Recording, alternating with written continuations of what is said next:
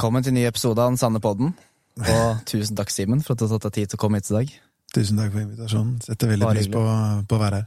Vi har allerede skravla en god stund. Det virker som det er en god energi og en god vibe. Ja, jeg Jeg synes det. Har jo oppdaga deg, da, på sosiale medier, Mm. og syns uh, du deler mye fine tanker. Mm. Uh, viktige tanker. Mm. Jeg hører at det du sier, også kommer fra deg. Det er autentisk. Det er jo kanskje det som gjør at jeg lettere har relatert til det. Mm. Før du sekte.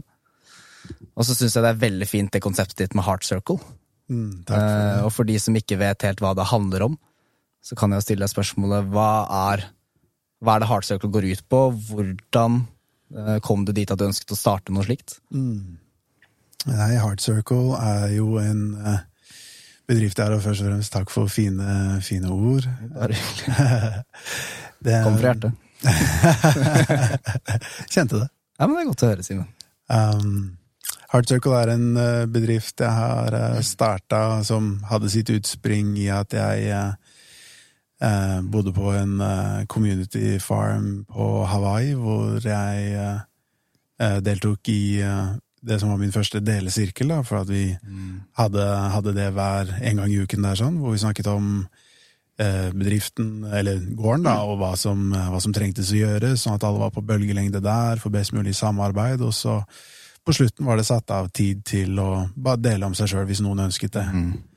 Og for meg så var det veldig uh, mind-blowing uh, hva det gjorde med meg å sitte i en sirkel på den måten. Jeg var allerede veldig utadgående, og jeg var også uh, selvreflektiv, og jeg trodde jeg var åpen og sårbar, men fikk en, fikk en helt ny erfaring der med, med min egen sårbarhet, og hva det gjorde å bli møtt i det, og Så fint. bare sitte i et space hvor folk lyttet på en måte jeg ikke hadde vært helt borti, borti før. Um, det, det var rett og slett så, så stort for meg å få oppleve det, at det, det var noe jeg skulle ta med videre. Så Så fint. det jeg gjorde da, var å uh, lete først etter en sirkel i, Ja, i, i, i Norge, men jeg, jeg fant ikke det, og da, da tenkte jeg derfor jeg bare starte en egen. Og inviterte, inviterte ulike menn, først og fremst, da liksom lage en mannesirkel først, med, med bare ulike menn jeg tenkte kanskje ville resonnere med det konseptet, og som jeg følte hadde den evnen til å dele fra seg selv, snakke fra hjertet, som du sier, Mm. og faktisk lytte tilstedeværende. Og jeg gjorde det i ett og et halvt år, basert på at jeg inviterte folk inn, og så begynte det å bli litt etterspørsel, og så da Kult. åpnet jeg opp for at folk kunne melde seg på. Og nå har bare ballen rullet videre. Ja, så nå er det både retreats og eh, sirkler for menn og kvinner, og sirkler i ulikt format, så liksom eh, et, et format er trygt rom, hvor det kanskje er eh, mest beregna på de som er i starten av denne fasen med å åpne opp og bli trygg på å snakke, og så Mm. har jeg et, eh, et format som heter transformerende arbeid, hvor det går litt mer i dybden for de som allerede er selvreflekterte og ah, er trygge på å åpne seg opp. Allerede har starta veien, Ja. men uh, Og kan man gå litt dypere inn i det? Ja, for at den veien er veldig vanskelig å gå aleine. Og så er det veldig mye mer morsomt og effektivt å gjøre sammen med andre, hvor man kan få speil og tilbakemeldinger og eh, fange seg sjøl der man uh, Helt klart. Og ikke minst kanskje møte litt likesinnede mennesker, da. Ja, ja. Som er på litt samme nivå. For da er det så lettere å bygge videre og kunne relatere seg til hva en annen sier, og så kan via å forstå dybden til en annen person, kan du også forstå deg selv dypere om du er villig til å gå den veien. Eksakt, eksakt. Og eh, et veldig godt eksempel på at du virkelig lytter, for at nå peker du på et av de fundamentale prinsippene med Heart Circle, er at man skal danne disse fellesskapene hvor likesinnede kan møtes, og at vi kan ha samtaler som går mer i dybden, og det var noe jeg var veldig sultefora på, i hvert fall, og eh, inspirere og motivere hverandre gjennom å Kult. møtes på den måten. Føler du at du har lært mye av å på en måte arrangere sånne type arrangementer? For det er jo et stort ansvar, da. Og det, det, og det viser jo bare at du også har gått en lang vei inn i deg selv Ja. for å kunne ta det steget. Syns du det var skummelt, eller, og, og hva føler du at du har lært av det? Av å gå den veien? Jeg syns det var superskummelt. Ja, det skjønner Ja, jeg godt. jeg var, eh, jeg var meganervøs da jeg skulle holde mine første sirkler. Jeg gikk jo en gang i uken i tre måneder mens jeg bodde der. Mm. Og jeg ble også så fascinert av at jeg snakket med han nesten hver dag, han som ledet det, da, for å gå litt i læra på det, rett og slett. Og um, ble egentlig veldig komfortabel med konseptet, og var ikke noe nervøs for å gå til sirkel lenger. Nei. Men da jeg skulle holde det, så var det et helt annet ansvar, som du sier, for at der har jeg da har jeg ansvaret for alle jeg har invitert inn, at de føler seg trygge, at de føler seg sett, ivaretatt. At uh, skape en atmosfære hvor dette er Det som blir delt her, blir også holdt her og tatt imot på en måte som uh, er uh, Hva skal man si ikke-skadelig for de andre. Da. At man skaper et ikke nødvendigvis et rom hvor det ikke er lov til å dømme, men hvor man ikke holder på dømmingen sin. Så hvis det kommer opp noe der liksom sånn Oi, det her, nå skjedde det et eller annet i meg da du delte det. Ikke sant? Så blir ikke den personen som dømmer, sittende med det. For at det er skadelig for han. Og så kjenner den andre på nå er jeg dømt. Men hvis man kan ta opp det, så kan man lære veldig mye av hverandre der. Det er jo veldig fint, da, det å være åpen om det òg, fordi Ja. som vi snakka om tidligere før episoden, at du er jo ikke tankene dine. Du er Nei. ikke dømminga di. Nei. Du er ikke liksom de impulsive tankene man har, men du er hva du velger å gjøre med dem. Men det å kunne si det, da. Ja. Si at eh, du, forresten, nå følte jeg at jeg dømte deg litt. Mm. Og så blir det en forståelse ut fra det. Ja. Det må jo være veldig fint. Og som, du, ja, ja. og som du sier eh, med det der ansvaret man har ved å på en måte drive sånne ting òg, det krever jo at du må være så til, til, til stede i seg selv. I deg selv, mener jeg. Oh ja. Oh ja. Hvis ikke Eh, du er det, da vil jo ikke andre kunne merke den trygge energien, ikke sant? Det er, det er veldig spennende det at jeg um, så Lært helt vanvittig mye. Jeg føler meg ekstremt privilegert som, som får lov til å arbeide med det på den måten jeg gjør. Jeg vet at jeg gir en stor gave til andre ved å åpne opp det spacet, for jeg vet hvilken gave det var for meg da noen åpnet det for meg.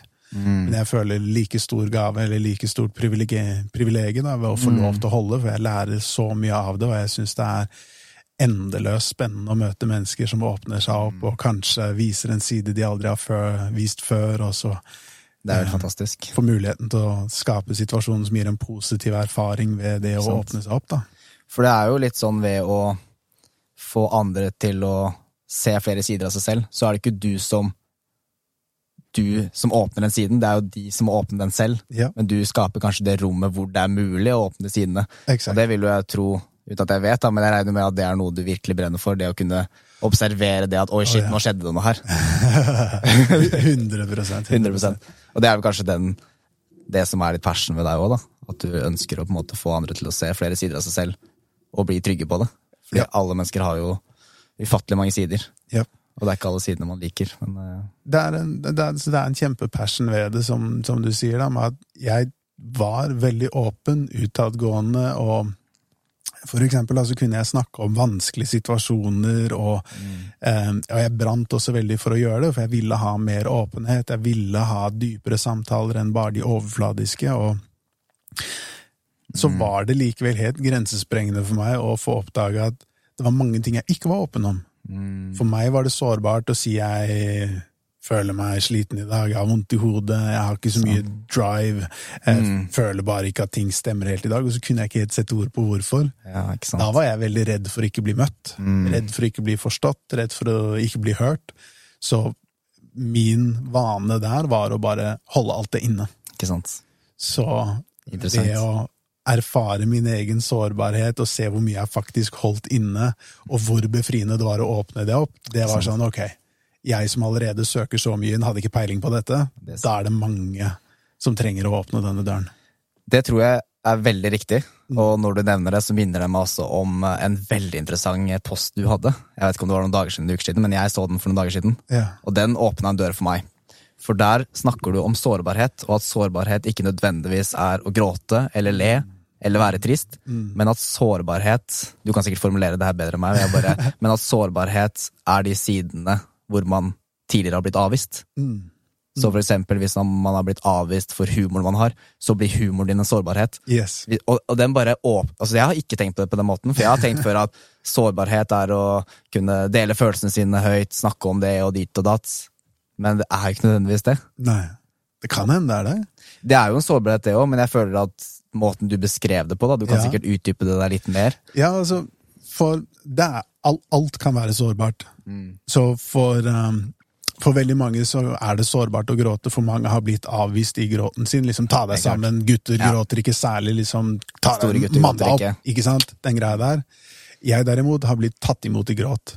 Jeg har blitt veldig godt møtt når jeg gråter. Jeg, jeg har noen unntak her og der, men de har på en måte ikke spilt så veldig mye inn når jeg i bunn og grunn er trygg på å gråte. At mamma har vært helt fantastisk å ta meg imot der. Sant? Og, og så catcha jeg også den, eh, den bølgen i, i samfunnet om at man ønsket at menn åpnet seg opp, man ønsket at menn skulle være sårbare. Og jeg så det at hvis folk fortalte om vanskelige eh, episoder i livet sitt, så ble de stort sett lyttet veldig godt til, og møtt veldig. Og jeg hadde noen tøffe erfaringer fra oppveksten og, og livet, som jeg hadde behov for å prate om. Jeg hadde veldig lyst.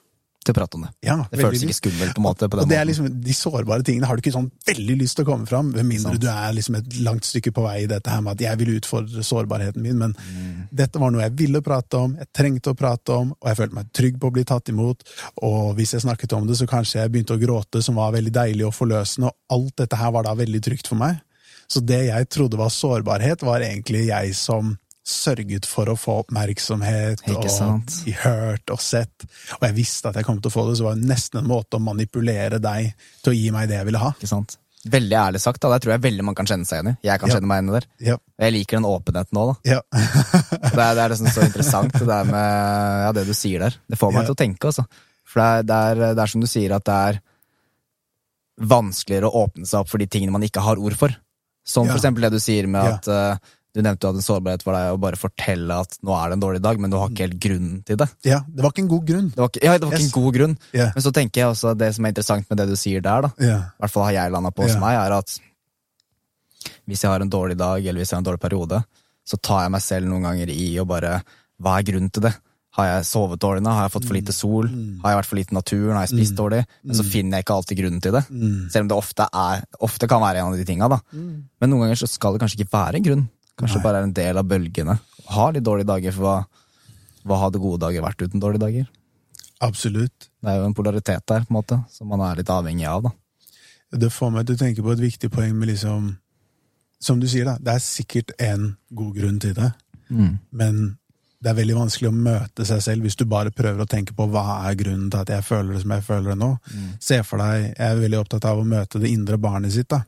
Og i den situasjonen det er sånn, se for, deg, se for deg at du møter et annet barn, og et barn har det skikkelig vondt, og så begynner du å spørre masse, sett ord på hvorfor det er sånn. Ja. Har du vært nok i naturen? liksom? Da blir det sånn, da blir det liksom, det er, det er din skyld at du føler Ja, det dårlig. Og du, nå, nå må du snakke om hvorfor. Det Mm. eneste barnet ønsker der og da, er jo bare å bli møtt. Jeg har det vondt. Jeg trenger kanskje en klem.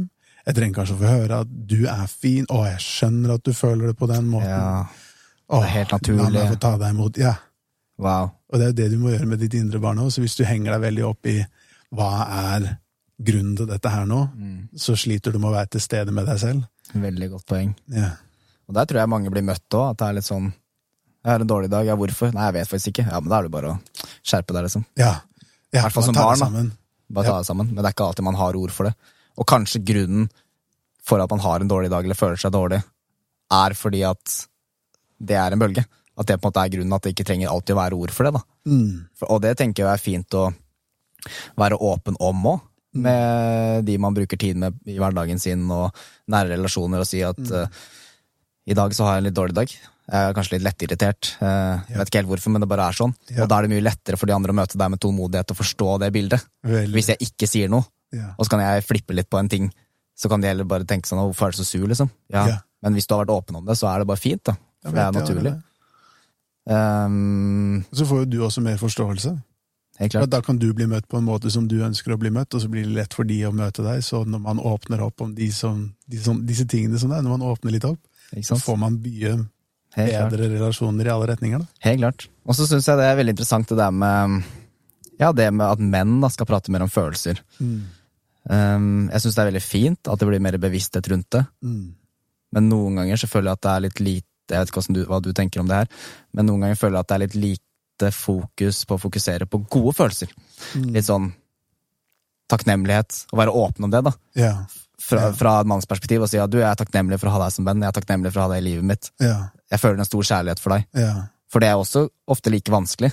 At det ikke bare handler om å prate om de vonde følelsene hele tiden. For det er jo sårbarhet, det òg. Det er jo det, ikke sant? Sånn, jeg er glad i deg, mann, og så liksom ikke bli tatt imot, ikke få høre glad i deg tilbake, for eksempel, fordi mange menn syns det kan være vanskelig å snakke om. Så liksom, ok, jeg har ti erfaringer med å si glad i deg, jeg har fått én tilbake. Mm. Avvist. I hvert fall følelsen av å bli avvist. Det er ikke sikkert du ble det, liksom, men Nei. du har i hvert fall opplevelsen av å bli avvist, Mm. og da er det blitt sårbart. Så ja, du peker, peker akkurat på at det er Ja, for veldig ofte så er det jo ikke, vil jo ikke vi mennesker med intensjon såre hverandre. Eller gjøre hverandre lei seg, men det skjer jo. ja. Det skjer, det er jo sånn mennesker er, men det er jo minst like viktig å være åpen om ting, da, for da er det lettere å få en forståelse ja. rundt det. Når var det du begynte å på en måte bli mer bevisst over å gå innover og søke litt etter det dypere og autentiske deg? Har det noe, er det noe som alltid har vært der, eller er det noe som kom i senere alder? Eh, ja, det, det er vel en slags eh, blanding sånn Det har alltid ligget der, men jeg er ikke helt sikker på når jeg ble bevisst på det. Men jeg husker at jeg, jeg gikk i barnehagen og spurte pappa hva meningen med livet var, og han er en eh, også? Han er en dyp tenker, da, så han syntes det var kjempespennende. det. Liksom, og var sånn Ja, godt spørsmål. Og, Så jeg har blitt veldig liksom, fora på liksom, still spørsmål og Veldig interessant. Det er veldig interessant, faktisk. ja, jeg husker at jeg på et tidspunkt i livet ble litt overveldet av å stille så mye spørsmål at jeg skulle ønske jeg liksom fikk litt mer svar heller enn å bare? Still spørsmål, gutten min, og Ja, ja, ja. ikke forstå noen ting. Ja, det kan bli litt overveldende, for det er interessant du sier, for der er jeg litt motsatt erfaring. Altså, Supertakknemlig for foreldrene mine, og Visst. kunne ikke bedt om noe annet, på en måte. Men ikke på en måte, jeg kunne ikke bedt om noe annet. Nei. Men jeg har vel kanskje alltid hatt de spørsmålene, og så har jeg hørt litt mer at nei, men det er ikke alt du trenger å tenke på, liksom. Mm. Men det har ikke jeg forstått, for jeg har fortsatt bare gått i det. Men jeg er egentlig litt glad for det òg, på noen måter, fordi hvis jeg hadde hatt den derre ja, si det, si det, litt som du sier da, så kan det bli litt overveldende.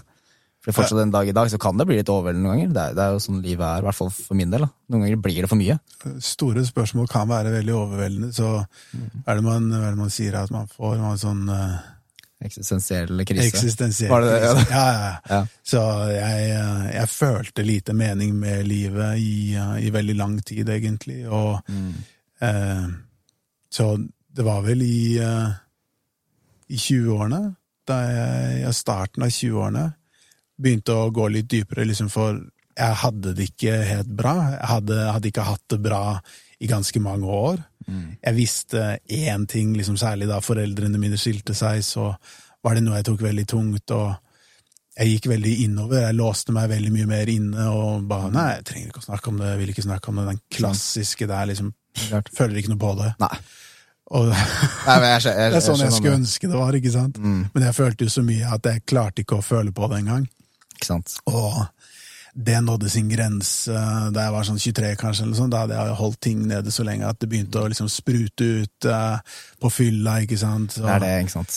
Og så hadde jeg en tendens en stund til liksom, ah, fylla skylda, liksom, det er bare Ja, ja. ting jeg sa fordi jeg var full, og liksom, jeg mente jo egentlig ikke det. Og så uh, fikk jeg hjelp av noen nære venner til å liksom ta tak i det. Bare at jeg tror egentlig du mener litt mer av de tingene du sier, og at du kanskje trenger å få litt mer kontakt med hva du føler uten å være full. Da, og da fikk jeg hjelp til å oppsøke en psykolog som jeg eh, oppsøk, eller jeg, jeg tenkte på det som veldig sånn traumebelagt. Da. Bare, Ingen kan vite om det. Liksom. Jeg var så redd for å bli sett på vei til psykologen, og hadde, hadde veldig, veldig issues med det. Men uh, Mm. Ja, for det er jo litt sånn Det syns jeg er litt interessant med oss mennesker, er at hvis man presser noen vonde følelser ned, det vil aldri gå bort. nei. Du skal få prosessert det. Og det er jo da det gjerne kommer ut på en dårlig måte. da. Det kan komme ut via frustrasjon, sinne, eh, istedenfor at det måtte bli prosessert ordentlig. Ja. Fordi ofte har jeg stilt meg selv spørsmål Hvorfor får man vonde tanker, liksom? Hvorfor, får man, eh, hvorfor dukker det her opp? Jeg vil jo ikke tenke på det. Det vonde som skjedde som barn. Hvorfor dukker det opp? Men egentlig er det jo ikke hjernen som prøver å ødelegge for deg, det er jo hjernen som hjelper deg. For den Ja. trenger å få prosessert det først, før det gode kan komme. Og det samme føler jeg litt med å grave litt dypere i seg selv òg. At du begynner å grave, og så vil du finne ting som er veldig vondt. Ja. Og da er det jo et poeng å ikke snu, da. Gå tilbake, men fortsette, fortsette gjennom den prosesseringa, selv om det er drittøft uh, for alle, vil jeg tro. Ja. Men det er jo bunnen av det som er fint, når du på en måte kommer deg over disse tingene, da, og får prosessert litt, for da er det så utrolig mye fint, for da finner man mer sitt unike seg, da. Og Absolutt. kan på en lettere måte være til stede for andre, ikke sant. Så du, ja, ikke sant. Det, kom litt senere, da. Eh, men de dype spørsmålene, jeg også kjenner meg veldig igjen der. Mm. Og så hadde veldig mye sånn, sikkert fem-seksårsalderen. Mm. Gikk rundt og trodde sånn, hva er meninga med det her, og store spørsmål, da. Ja. Og det er fint å stille iblant, men jeg tror, tror det er en balanse på det, da. Ja. For det er vel ikke alt man skal ha svar på i det livet her heller. Det er jo Sånn er det jo. Jeg hadde en veldig um, interessant Jeg fikk et veldig interessant perspektiv fra en uh, god venn av meg. Mm. For jeg hadde veldig mye store spørsmål, og jeg syntes det ble litt mye. Jeg, synes, jeg ble litt lei av meg selv på en måte ved å ha de store spørsmålene. Yep. Som for eksempel, hva skjer etter døden? Hva gjorde jeg før jeg kom hit? Gjorde jeg egentlig noe i det hele tatt? Har jeg valgt meg selv i det livet her? Er det noen Altså veldig mye sånne spørsmål, da. Mm. Og så ble jeg stilt spørsmålet, men hvis det var sånn som du sa nå, da, hva ville du gjort annerledes i det livet her? Og det fikk meg til å tenke egentlig ingenting. Jeg ville fortsatt gjort det samme.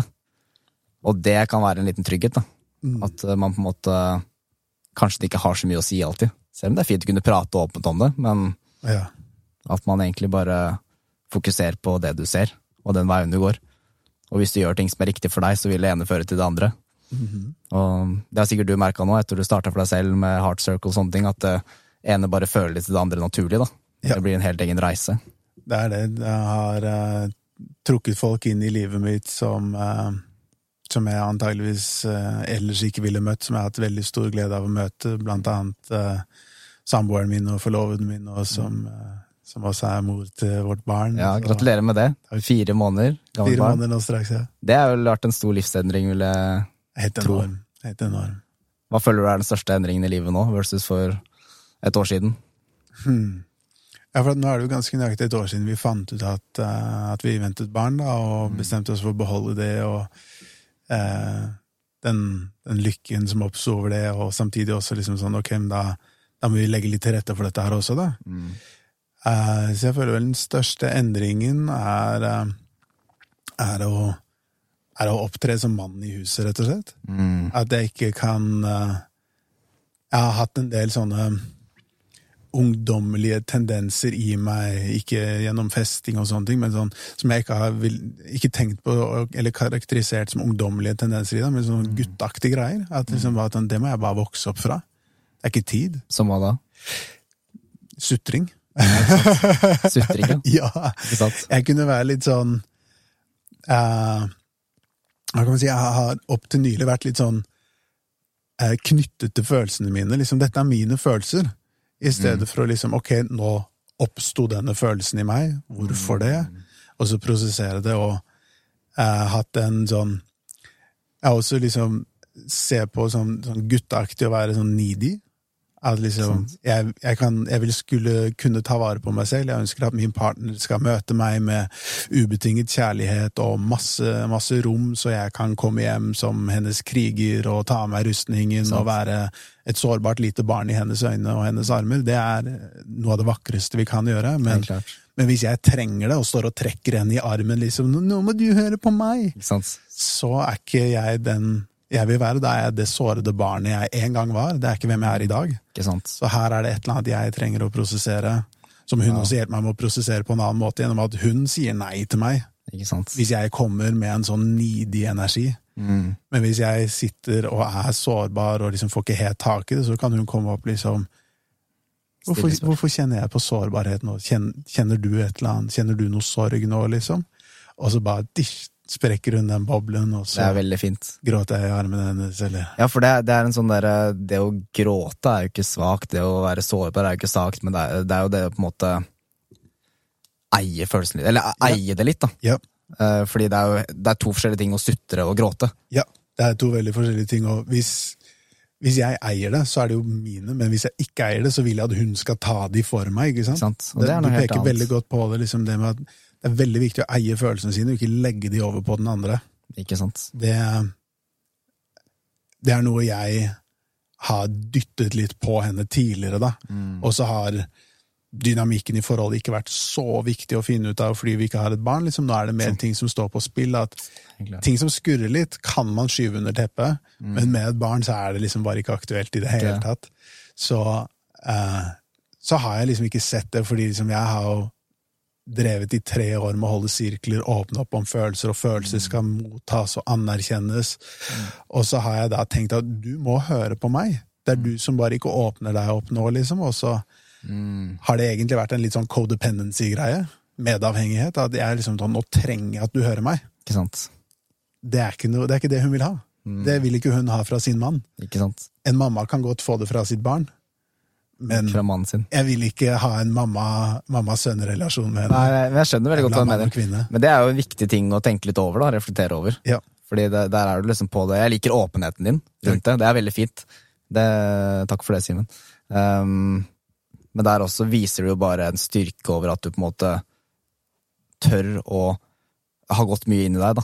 Og åpna disse dørene. Og sett sider som du ikke liker, for det er jo det Det er jo en viktig del av livet. Alle har gode og dårlige sider. Og det er jo som du sier, det med liksom tanker og følelser, og vi snakka kanskje litt om det tidligere, men at man ikke nødvendigvis er alle tankene sine, men at man kan observere seg selv mer. Ja. Føle på, føle på disse følelsene vi har inni oss. Ja. Men du er ikke følelsene, du er på en måte Du kan trekke deg litt fra dem, da. Og det er jo så utrolig viktig. Ja. Da blir man på en måte ikke Jeg vet ikke om jeg skal kalle det mindre sårbar, på en måte, men ehm, mindre dømmende overfor seg selv, kanskje. Mhm. For det er flere ganger jeg bare liksom Jeg har følelser og tanker, sjalusi, sinne, men så trekker jeg meg tilbake og tenker sånn Er dette en følelse jeg orker å ha? Er det noe som hjelper meg? Ja, du skal jo ta følelsen den der, du skal ikke pushe det vekk, Nei, nei. men ta det inn, kjenne på det, observere det, og så eventuelt pushe det videre. Ja. For det er så mye mer, da. Sjalusi, som du pekte på, kan jo oppstå i en usikkerhet i meg, eller at det faktisk er en situasjon som ikke er helt pen. Der, der vil jeg liksom dele en erfaring fra min egen, egen del, hvor jeg har aldri identifisert meg med å være sjalu. For jeg har ikke hatt så veldig mye sånn usikkerhet i liksom Hvis jeg har valgt det når jeg føler meg valgt, så er jeg good i det. Så jeg har ikke følt noe særlig sjalusi i det. Nei. Og så har jeg hatt andre partnere kanskje som har vært litt uh, sjalu, eller opplevd noe sjalusi. Mm. Og så kommer jo det av at de har vært i relasjoner som ikke har vært trygge. Så de har et sår der sånn. Og det må jo jeg komme med forståelse og medfølelse med å møte, da. Si at det er et tidligere mønster, på en måte. At det ikke Ja. handler om deg nødvendigvis. Det handler ikke om hva jeg bringer nå, men Mm. denne situasjonen kanskje trigger det fram. Og så har min partner hatt noen dårlige erfaringer der sånn, Mm. og har da med seg det såret inn i vår relasjon. Og så har jeg tenkt at det alltid handler om at dette er ikke meg, dette er bare noe tidligere greier. Men så har det også vært et element hvor det har vært meg. Mm. Hvor liksom dette kan gå ned på detaljnivå, da. For liksom særlig hvis du er i kontakt med intuisjonen din, som kvinner er i større grad enn menn. Vi kan være litt mye oppi hodet vårt, de er litt mer i hjertet sitt og kroppen sin naturlig. Helt klart. Hvis de er i ubalanse, så er de jo ikke det, eller da klarer de ikke å skjønne hva intuisjon er, men vi kan gå masse inn på Sånn det. Det er det. prater vi videre om. Gjerne. Jeg vil også høre erfaringen din rundt uh, Så liksom, her var det et tilfelle at intuisjonen hennes var on point. Mm. Jeg fikk et kompliment av en felles venninne av oss som syntes, uh, syntes at, jeg, at jeg så veldig bra ut. Mm. Syntes jeg var veldig kjekk den dagen. Det var et eller annet liksom, det var et eller annet kompliment på utseendet mitt. Så hyggelig. Det gjør det jo òg. Veldig hyggelig. det. Ja, Ja, takk for det det. Og nå kunne jeg ta til meg komplimentet med at nå sa du noe hyggelig til meg. Mm. Og det er hyggelig at du sa noe hyggelig til meg. Det setter jeg pris på. Men da hun sa at jeg var kjekk, Ja. så ble jeg litt smigret. Jeg var litt sånn, oh, det var litt deilig. Det er hyggelig å høre. Det er hyggelig å høre, men jeg syns også det var litt sånn, det feeda et eller annet ego i meg. Det feeda et eller annet i Jeg skal ikke ha noe som helst seksuell energiutveksling med en annen kvinne. Ikke sant? Og det der var en utveksling av seksuell energi. gjennom at hun Du sa det, liksom. Jeg tenkte ikke på det. Nei. Tenkte ikke på det i det hele tatt. Men hun merka det, og hun påpekte det. Min, altså min partner. Ja, ja, ja, ja. Hvor hun bare hva, hva var greia der? liksom? Jeg var sånn, Det er bare hyggelig at man får et kompliment. liksom. Ja, men Det var et eller annet med hvordan du tok det til deg, liksom. Og så så jeg på meg selv, ikke med en gang. Det var det, det, jeg hadde litt sånn motstand. ja jeg skjønner Nei, ego bare Nei, nei, nei. Nå er det du som er sjalu, og liksom. ja, ja. Og, så, og hun var sjalu, men av god grunn. Mm. Det var det viktige. at Noen ganger så er sjalusien der av en god grunn. Den forteller at et eller annet stemmer ikke helt her nå. Og det stemte ikke helt, for jeg tok til meg jeg tok til meg seksuell energi på mange måter. Jeg var liksom, mm, underbevisst. ja, underbevisst. For jeg hadde ikke liksom lært å skille tydelig nok på det. Så så jeg det Å, jøss. Ja. Jeg sa ikke bare liksom med hånden på hjertet 'takk for at du sa noe hyggelig til meg'. Det var liksom mm, Takk skal nice, nå følte jeg meg deilig. Liksom. ja, ja. Veldig Det, var, interessant. det var ikke rent. Nei. Det Og det det catcha var- partneren din, men du catcha ikke der og da. Men Ja. ved å observere deg selv i ettertid, så Gjennom at hun også æret sin sjalusi. og ikke undertrykte den. Og ikke tillot meg å si 'det er bare ditt sår'. Hun sto på sitt og sa 'nei, det føles ut som et eller annet skurrer her'. Og sammen fant vi ut av det. Og det at hun da også ikke agerte på det Hun ble ikke sint på meg der og da og liksom 'hei', eller liksom 'nå får ikke dere være sammen mer', eller et eller annet sånt. Hun tok den opp. Hun æret følelsen sin, og så tok hun, opp, tok hun den opp, og så så vi på det sammen. Og først så avviste jeg det, og da ble hun altså da litt mer reaktiv på det, selvfølgelig, fordi det var hvordan jeg skapte situasjonen. Men så kom jeg tilbake med mer tilstedeværelse og mer innsikt, og mer ansvar for at ja, vet du hva, der hadde jeg en energilekkasje, der tok jeg imot en energi på en måte jeg ikke skulle gjøre, og jeg ga fra meg en energi også, at liksom, det likte jeg mer av det. Sant? Det har jeg ikke Veldig lyst til å ha i det hele tatt, bevisst. Så vil jeg ikke ha noen seksuell utveksling med henne i det hele tatt. Underbevisst så var jeg åpen for det. Så da måtte jeg arbeide med meg selv og bli klar over det. Der igjen, da. Viktigheten med åpenhet. At Ja. hun også kunne åpne seg for at der merka hun sjalusi. Yep. Og viktigheten også å kommunisere om det. Mm. Og ikke på en måte bare 'nei, men hør nå, dette var sånn jeg opplevde det', nei, det var sånn jeg opplevde det, men faktisk mm. ta inn over deg hva den følelsen var, da, og hvor det kom fra. Yes. Høres ut som dere har uh, god kommunikasjon. Veldig god kommunikasjon. Det er så vanvittig takknemlig for. Det Det- betyr, eh, betyr så mye for meg. Det er veldig viktig. Mm. Og det er jo liksom det du sier med det med å ta imot en seksuell energi og sånne ting, for det er Jeg føler ikke at Jeg vil ikke kalle det utroskap, men hvis det er noe du jobber Altså hvis det er noe du tar imot bevisst, da, så er jo det en form for utroskap. Og hvis man hadde. Yes. gått bevisst inn for det, Yes. fordi eh, veldig ofte så jeg, jeg føler ikke at det å ha sex med noen andre er det eneste måten å være utro på. Nei, enig. Og det føler jeg at uh, egentlig kan se litt mønstre av om dagen. Mm. Det er en sånn lite lojalitet. At eh, ja, det er hyggelig å gi hverandre komplimenter, og det er hyggelig å være glad i en, et motsatt kjønn. Mm. Men veldig viktig å være bevisst på hva slags type energi det er, da. Ja. Veldig, veldig, veldig.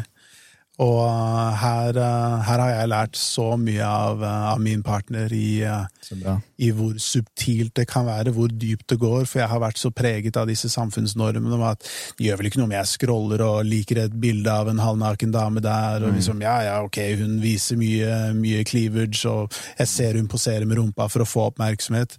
Og så har jeg liksom ikke tenkt at For jeg sitter ikke bevisst liksom å, dette digger jeg. Jeg, har liksom, jeg, jeg tenkte på det som en sånn måte at Ok, hun uttrykker seg fritt. Jeg syns ikke dette er en fet måte å uttrykke seg på, å spille masse på seksuell energi. liksom, ok, Du er mer enn kroppen din, liksom, vis, vis meg heller noe annet. Men jeg liker i hvert fall at du føler deg fri til å uttrykke deg selv. Det er fint. Så jeg, liksom, jeg ville ikke dømme deg at jeg ville kanskje ikke uttrykt meg på den måten, men jeg ville liksom støtte at hun uttrykte seg fritt. Og da ble jeg utfordra av partneren min. liksom, Men hva er det du egentlig mater i henne, da? Ja, ikke sant. Og jeg er sånn Fuck, det er sant, altså. Det er interessant.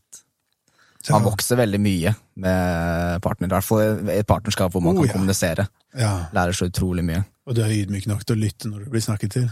Det er vel det å kanskje kunne legge fra seg ego på en sunn måte. Altså, ego kan være en bra ting, men med kontroll da, Ja, ja. over egoet sitt. Ego er kjempesøtt på mange måter. Det er bare må finne sin plass. Du Trenger masse ego, men det er fint å ha kontroll over det. Ja. Og det tror jeg du møter veldig i såpass nære relasjoner, da, eller forhold, Mm. partnerskap.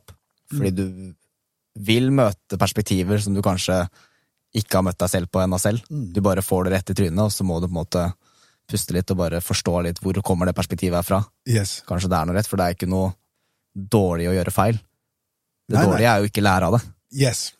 Helt, helt riktig. Helt Du skal gjøre feil, men eh, Eller altså, så lenge du liksom ikke skader andre fysisk sånn. Det er ikke sånn at du bare Jeg bare banker den personen, ja, så lærer jeg. Det er ikke det det går på. Nei, nei. Men å gjøre feil er jo det du lærer av. Ja. Så det, kanskje liksom ikke frykte det så mye, da. Men ja, lære av det. Det sånn, det er kjempefint. Veldig. Og jeg tenker et viktig element i nettopp det med å kunne lære av det, er jo da å ikke dømme seg selv for å ha gjort feil. Der har jeg eh, slitt veldig, veldig mye. Har det? Jeg har hatt en veldig veldig hard dommer. Jeg har vært veldig redd for å ikke være god nok. Mm. Og hvis jeg er redd for å ikke være god nok, så er det jo ikke rom for å gjøre feil. Så en av mine strategier for å ikke gjøre feil, er å ha en sånn veldig streng dommer som bare aldri repetere den igjen. Liksom. Men Mm. da har jeg liksom bare tatt straffen 20 ganger for å ha gjort én feil. da. Ikke sant. Én feil, én straff. Straffen er å ta ansvar og lære av det. That's it. Du sier to Ferdig. veldig viktige ord der. Ansvar og lærdom av det. Yep. That's it. For det er det som er viktigheten av livets vei òg, da. Det å ta ansvaret for hvordan du ønsker å bruke situasjonen du nettopp har vært igjennom. For du kan ha opplevd masse ting, masse som er vondt og sårt, men så er det hvordan man flipper det. Mm. Eh, Fordi til slutt så har du ansvaret for deg selv. Mm. Det det du har. Hvis du ikke tar det ansvaret og begynner å skylde på andre ting, da er du på en måte Da har du tapt litt, da. Ja. Ikke for alltid, for du kan alltid snu. Det er aldri for sent å snu. Mm. Men eh, det er superviktig det med ansvar. Det er Veldig, veldig, veldig viktig.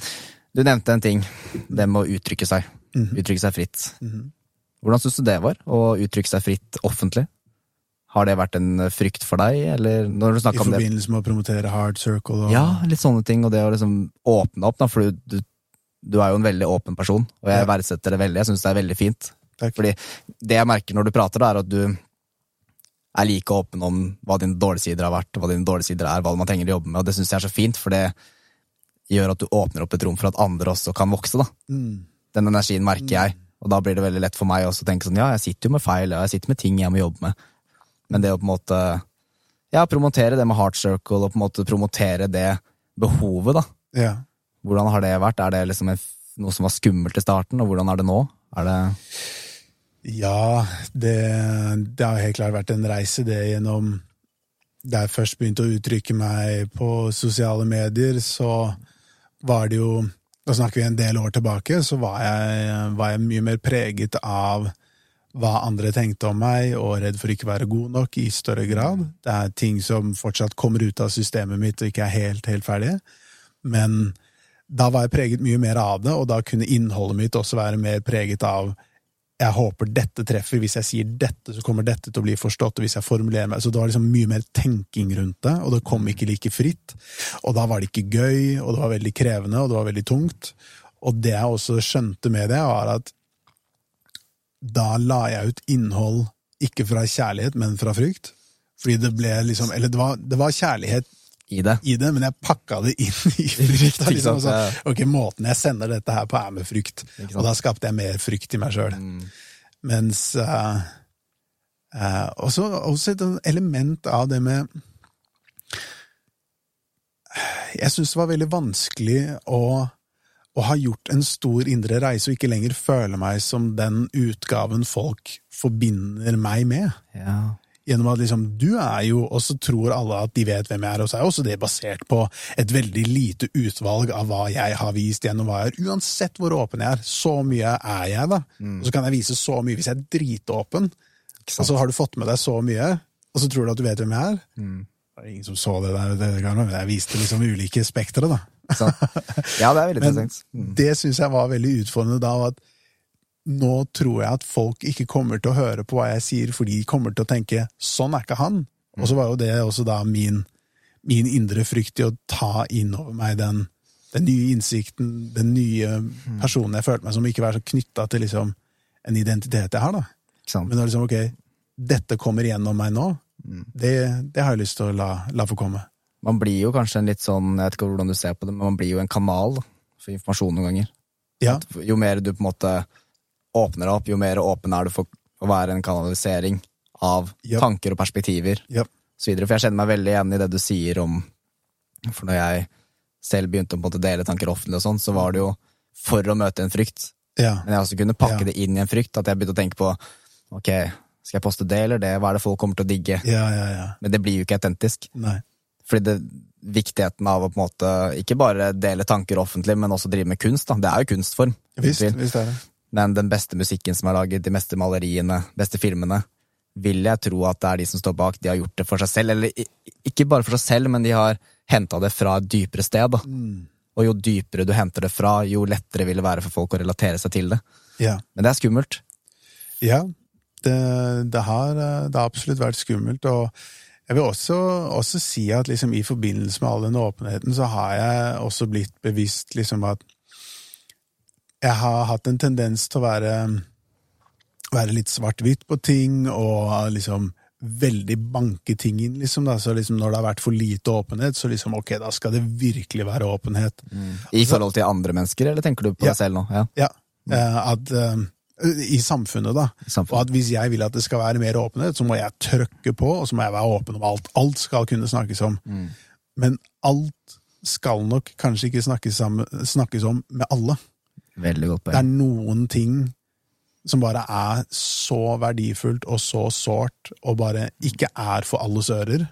Så liksom jeg har ikke gitt meg selv den den verden der. Jeg har, jeg har overdelt. Det er noe som heter å overdele, og det er nettopp den tingen hvor du Når du gir fra deg noe som egentlig ikke blir tatt helt vare på, noen som kanskje er litt inn og ut av livet ditt, og så har du bare gitt din dypeste, såreste hemmelighet, liksom. Og jeg tenkte bare på det fra det perspektivet om at det skal kunne snakkes om, så da må jeg gjøre det. Mm. Og det er riktig at det skal kunne snakkes om, men tid og sted.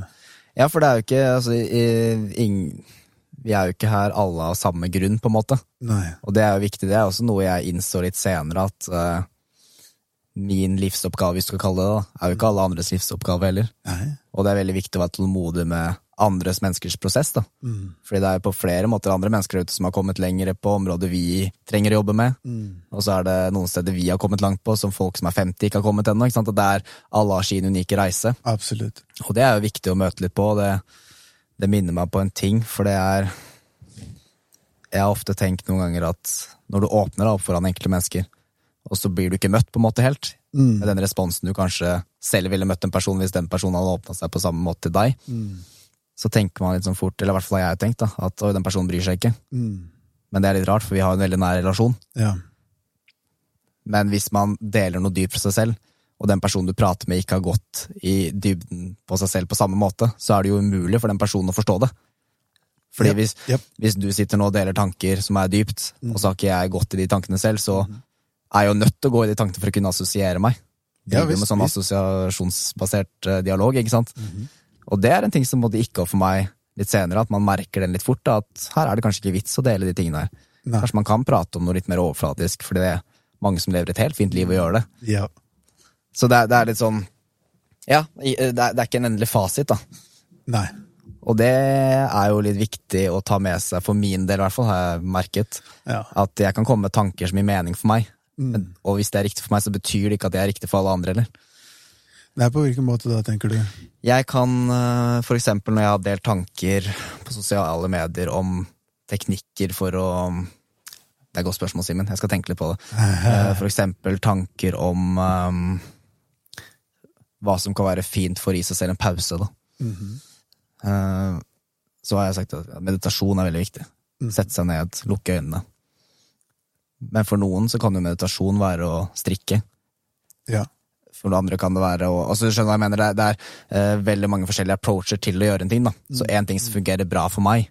For meg har det fungert bra å bli bedre ved å kommunisere, ved å dele tanker offentlig, drive en podkast. Men det er jo ikke alle som har behov for det, ikke sant? nei, nei. Og det, eh, det tror jeg er viktig, da, at man snakker, eh, når man snakker og deler perspektiver, så er det fasiten for deg, og så kan de som relaterer seg, relatere seg. Ja. Og så er det ikke alle som gjør det. Nei, nettopp. Frihet Så- for noen er jo å se på en fotballkamp, liksom, og det er jo dritkult. Frihet for meg er å sitte med gode venner en fredagskveld og ha dype samtaler. Mhm. Men det er ikke alle som har behov for det, hvis du skjønner hva jeg mener. Ja, Jeg skjønner hva du mener. Så for meg var det liksom to forskjellige ting òg, da, med at hvis du forteller om at meditasjon er viktig, så tenker jeg det er sant for alle. Og så Ja. er det bare ulikt hvordan det ser ut, da. Ikke sant? Uh, men det er mange som vil ha motstand. Nei, meditasjon er ikke så viktig, liksom. Men meditasjon er i bunn og grunn bare en eller annen praksis som tar deg mer inn i deg selv og gjør deg mer bevisst, mer til stede i øyeblikket. Og det er det eneste som finnes, er jo øyeblikket. Det er jo den klisjeen, liksom. Men det er, det er der livet skjer. Så hvis det. ikke du praktiserer meditasjon, så klarer du heller ikke å leve. Det er faktisk realiteten, da. Ja, ikke sant? det er som du sier, det er eh, forskjellige måter å gjøre det på, fordi noen er jo veldig flinke til å bare koble av hvis de trenger det. De trenger på en måte ikke å sitte en halvtime hver dag og lukke øynene. De klarer seg fint uten det. Mm. Så det er litt sånn Ja, det er jo et kanskje et bedre svar på spørsmålet, da. eh, Til hvordan én ting fungerer for deg som ikke fungerer like bra for alle, er jo at når jeg starta å meditere, yeah. så fant jeg ut at det var jo superkraft for meg. Jeg fikk yeah. mye mer kontroll over yeah. tankemønstre som kanskje ikke var like bra å ha. Mm. Jeg fikk eh, mye mer forståelse av meg selv som helhet. Hvem jeg egentlig er, og hvem jeg ønsker å bli. Mm. Og så prøvde jeg å adapte den til andre. Du, har du meditert, eller? Nei. «Øh, Du, du burde prøve, ass. ja, ja. Men så har jeg også innsett at det er ikke alle som har behov for det like mye som du selv har. Nei, det er også synes jeg, hvor stort er behovet for eh, Jo mer usentrert du er, jo større er behovet for meditasjon, men jo større er altså motstanden for å gjøre det. Så Det er det. Ja, det er liksom både og. Jeg har eh, en som har lært meg mye der, Ja, uten at vi har snakka så mye om det, er min stefar. Jeg har hatt siden jeg var to år. Fantastisk eh, type. Og han er en sånn Han har aldri vært noe særlig inn i det med å I hvert fall ikke høyt, da. Grave dypere i seg selv. Um, selvutvikling, sånne ting. Men jeg kjenner han utrolig godt, og han har ikke det samme behov for det heller. For han, han har et helt fint liv. Han Ja. har alltid vært på det at han vil eh, dra på en jobb Ja. på morgenen, komme hjem på ettermiddagen, ikke legge noe mer i karriere, selv om han har jo en bra jobb, liksom, trives, og så vil han være med familie. Mm. Han, han vil ha det A4-livet, Ja. og trives superfint med det. Jeg derimot, det er kanskje en av mine største frykter, å ha et A4-liv, det å gå på en jobb for å jobbe for noen andres drømmer. Ja. Det er liksom, ja, det er en frykt, på en måte. Det, det vil ikke jeg. Jeg vil ha hver dag er et eventyr. Våkne opp og føle at i dag skal jeg leke, ikke jobbe. Der vil jeg utfordre deg litt med at hvis du har 90% av A4-livet, så kan det være eventyr ut av en annen verden, det òg. Helt klart. Jeg lever veldig A4-livet nå med pappaperm og Mm. bruker masse tid hjemme, og jeg lever et veldig begrenset sosialt liv. Jeg eh, Mm. fokuserer på bedrift, familie og et par fåtalls venner som jeg får akkurat det jeg ønsker meg. For jeg kan ikke presse andre som ikke vil gå dypt, og gå dypt. Mm. Men jeg trenger heller ikke å utsette meg selv for overfladiske samtaler hvis jeg ikke er interessert for det. Veldig godt poeng. Så jeg er veldig nøye med hvor jeg putter, putter meg selv, tiden min og energien min. Mm. Jeg opplever hver dag som et eventyr, mens andre ville sikkert sett på livet mitt og tenkt herregud, så kjedelig, hvorfor drar du ikke på rave, hvorfor blir du ikke med på den festen, hvorfor gjør du ikke alle disse tingene? Bare så, jeg syns det er så eventyr å bare stirre på det nyfødte barnet mitt, eller ikke nyfødt nå lenger, men min fire år gamle sønn. ja. Temmelig fersk. Temmelig fersk. Det er, ikke, det er ganske nyfødt. Men det, det er interessant det du sier, da, for, men det skjønner jeg jo et eventyr. Og- og, eller jeg gjør det jo egentlig bare- ikke. Jeg har bare- ikke barn, så jeg kan ikke si at jeg skjønner det. Men, Men jeg, også bare møtet mitt med partneren dag til dag. Hva skjer der? Hva slags mat skal vi lage nå? Liksom, og hvordan lager vi den? Og hva oppstår i, mellom oss? Da, for at det rører seg Mm. noe hele tiden. Og jeg syns virkelig det er helt eventyrlig. Jeg savner Veldig ingenting. Veldig fint perspektiv, og du møter jo ikke den samme, samme partneren. Du, altså Hver dag du våkner, så møter du egentlig en ny person med deg selv òg. Det det. Og det er litt interessant, at du er jo aldri egentlig helt den samme. Du er alltid en utvikling. Jeg, jeg, jeg tenkte mye av det samme som deg. Jeg skal ikke ha A4-livet, men jeg ser jo at de største ingrediensene i livet mitt nå er super A4. Hvordan jeg tilnærmer meg det, er på en helt annen måte, hvor jeg ikke tenker at dette bare er sånn Jeg tar det ikke på autopilot. Jeg går inn dritnysgjerrig hver eneste dag. Hvem er jeg i dag? Hvem er hun i dag? Og så er det superspennende. Det er et eventyr. Jeg bruker akkurat det ordet nesten hver dag. Jeg føler livet vårt er et eventyr. Og så har vi ikke gjort noen ting. Vi har bare det vært hjemme er- og lagd mat og bare vært sammen. og Men det er litt hva du legger i det òg, da. Yes. Også, også det er litt sånn Det er ikke hva du gjør, men hvordan du gjør det. det er, hvor, ja, det er ikke hva du går i, det er hvordan du går i det. Ja. Jeg, jeg, det er egentlig ikke relatert, men det er bare jeg kom på den tanken. At det er sånn Hvis en kompis spør ja, hva syns du om jakka her, Ja, vil jeg ha på den i kveld, så sier jeg det er ikke hva du har på deg, det er hvordan du går med det. Ja, ja. Så jeg bare kom Det er på det. veldig sant. Men ja, som du sier, der du kan gjøre ting Du kan gjøre den samme tingen, men det er hvordan du approacher, hvor til stede du er. Ja. Eh, For eksempel hvis du Å vaske huset, liksom. Det kan være en fin aktivitet. Hvis du går inn i det med Eksakt. eksakt. Så jeg, for går, Du kan legge liksom stolthet i at jeg vil ha et godt hjem, jeg vil ha et pent hjem, jeg vil ha et hjem jeg er stolt av, som jeg trives i. liksom Plutselig er husvask en helt egen greie. liksom. Sant? Og ut ifra hvordan du har resonnert med hvordan jeg snakker om mitt liv, så tror jeg du hadde elsket A4-livet på veldig mange måter, fordi det er så ekstremt næringsgivende da, med hva du har som dine verdier, hva du ønsker ut ifra ditt liv. sant? Men det jeg kanskje hørte som er ditt viktigste behov der, er at du jobber for deg selv. Og der, der er jeg 100% Det er derfor jeg har startet min egen bedrift. For jeg vil ikke bli Jeg vil ikke gå på kompromiss med mine verdier. Jeg vil ikke gå på kompromiss med hva jeg tror er det beste å gjøre her og nå. Kanskje tar jeg feil, kanskje lykkes det ikke, men da har jeg i hvert fall fått levd fullt ut fra mitt perspektiv. Mm. Og brukt ditt potensial. Og gjort det for meg, fra meg. Ja, Det er viktig. viktig. Og det, der sier du noe, for det er kanskje det det bunner i for min del òg. At Mm. Jeg ønsker ikke å føle at jeg sitter med potensial jeg ikke får utfylt. Ja. Og der er det på en måte, og jeg, jeg ser jo ikke på det Jeg skjønner hva du mener med A4, at det er på en måte litt forskjellige definisjoner av det, men det Ja. å drive for seg selv er jo Kanskje det kommer til å bli A4? Kanskje Ja, det er det altså- nye A4? Det å drive for seg selv? Jeg Hvem tenker vet? det er den biten som ikke er A4 med meg, men ellers er det jo liksom kone og barn. Møtte- Familie. Det er, Det er det jeg syns er mest givende og mest interessant å bruke mest tid på. Og noen få, få nære venner, og det er veldig A4 å bruke tid med vennene sine og se Mm. film og henge litt sammen. og Det er som du sier, det er hvordan du gjør det. ja, Så hvordan jeg lever livet mitt, er veldig litt A4, da. Mm. Men fra overflaten så ser det ut som jeg lever et veldig A4-liv, men jeg lever jo ganske ulikt nesten alle jeg kjenner. Jeg kjenner ingen andre Jeg kjenner- ikke mange andre gå inn i hver dag som et eventyr. Hvem er jeg i dag? Hvem er partneren min i dag? Det er vel inspirerende, da.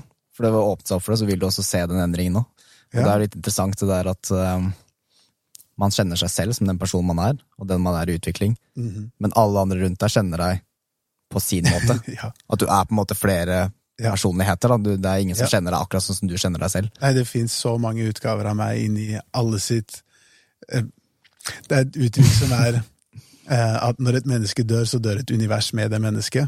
Wow. Fordi inni deg så har du skapt deg en virkelighet av hvordan du oppfatter alt rundt deg. Og jeg lever jo sånn sett allerede inn i ditt univers nå, og det er en utgave av meg som ikke lever noen andre steder. Ja, det er veldig interessant. Skjønner du hva jeg mener? Altså, ja. Jeg skjønner veldig godt hva du mener. Ja, så det finnes jo helt vanvittig mange versjoner av meg i alle disse universene rundt omkring, som blir projisert på meg gjennom at du tenker at jeg er dette. Du har en, en eller annen tanke om hvem jeg er, enten underbevisst eller bevisst. Sikkert en kombinasjon også. Helt klart. Og du vil jo da kaste den projiseringen på meg, enten du vil eller ikke, og så kan jeg enten velge skal jeg oppfylle de tankene du har om meg nå, eller skal jeg komme fra meg selv og være meg selv nå? Veldig interessant. Ja. Så man, man, må, man må virkelig liksom stå i seg selv når andre kommer liksom og skal ha en mening om at du er jo Den og den. ja. Og jeg har gitt etter for det så mange ganger og liksom bare blitt det andre vil at jeg skal være. Eller tatt på meg den tanken om hvem de tror jeg ikke nødvendigvis vil at jeg skal være, men bare Du er jo sånn også, liksom. Og så bare føles det så sant. Jeg kjenner meg igjen, og så blir jeg en eller annen utgave av meg selv jeg egentlig ikke kjenner meg igjen i, som er ganske vond å være. Og da går man litt bort fra det autentiske seg òg, da. Ja, det er det man gjør.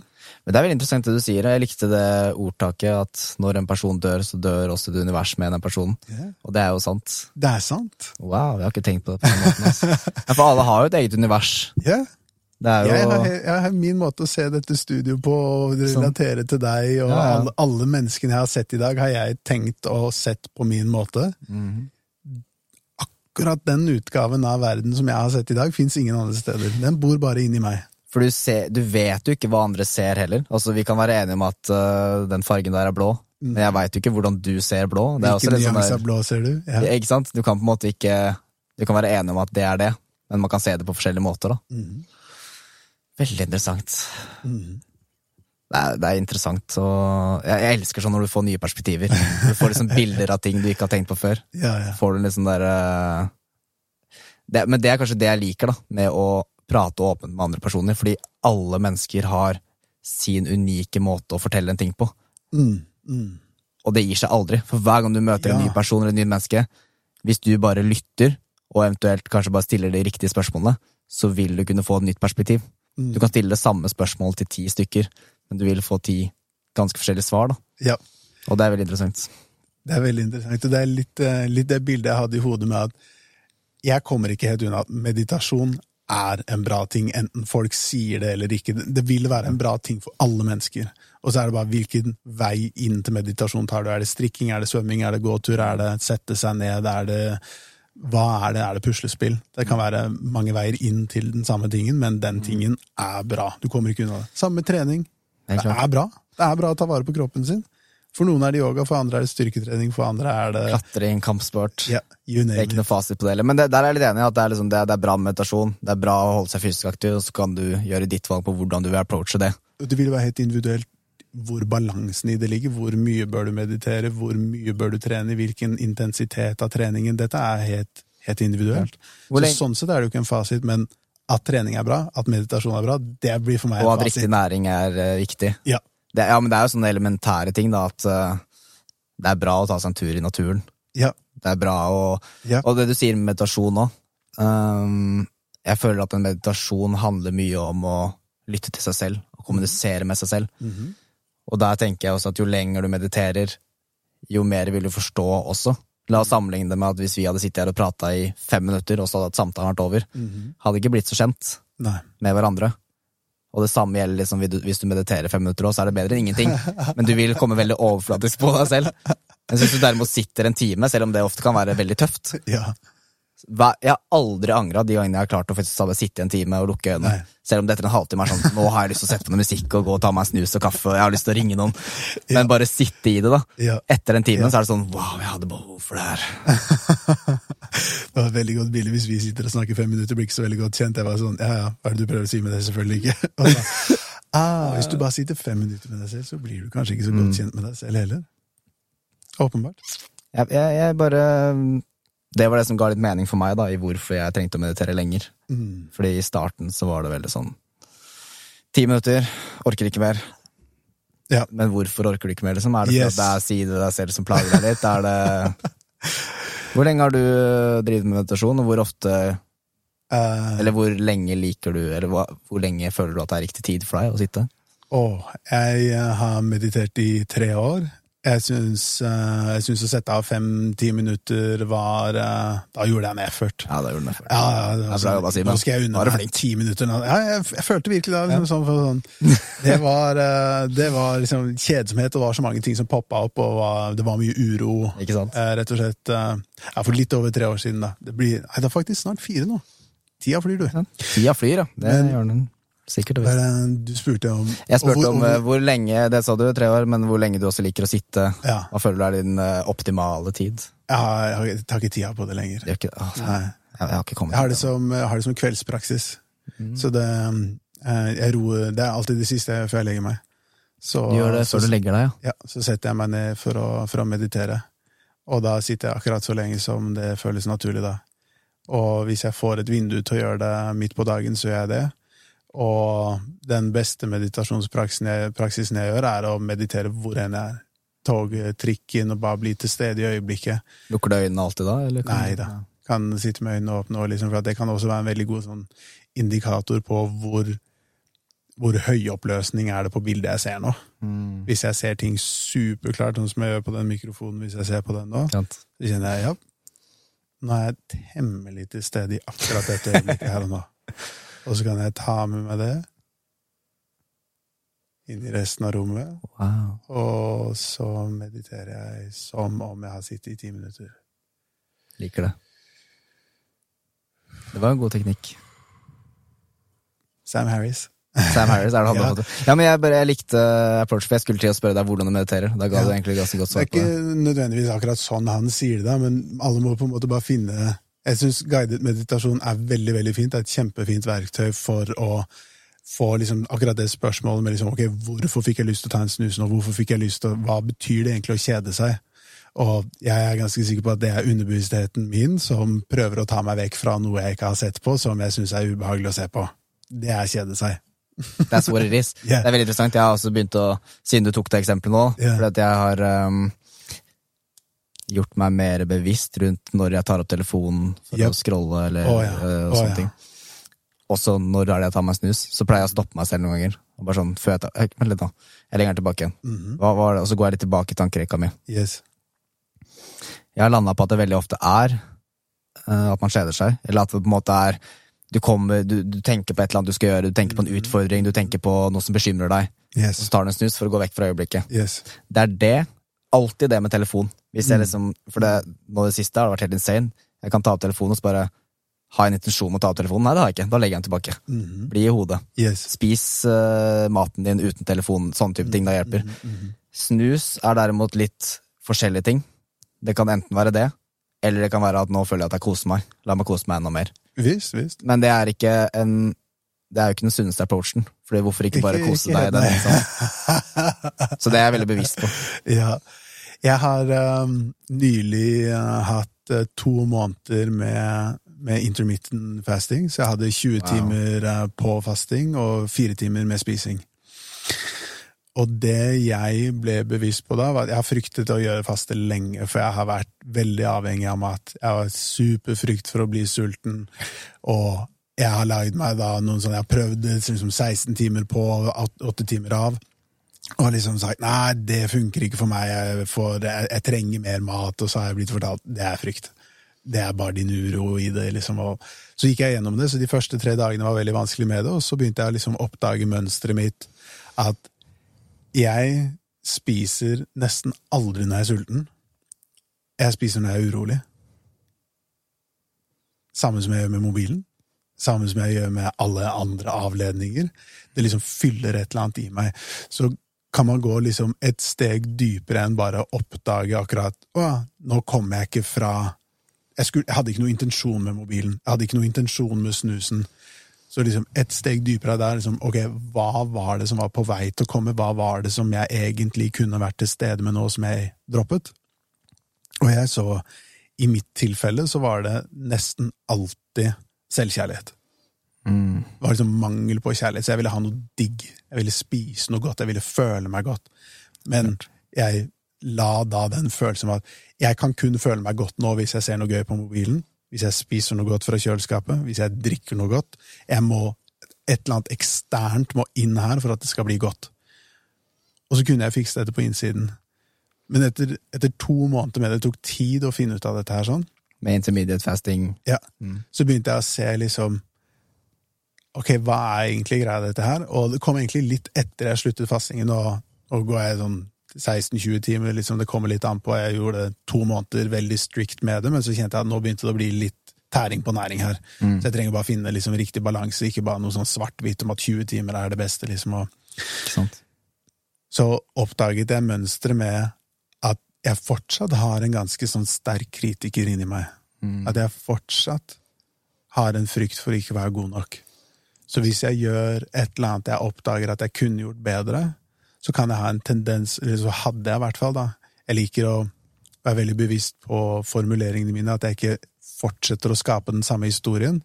Så hvis jeg ser at jeg har hatt et mønster av å alltid være streng med meg selv, så har ikke jeg lyst til å si til deg nå jeg er så streng med meg selv.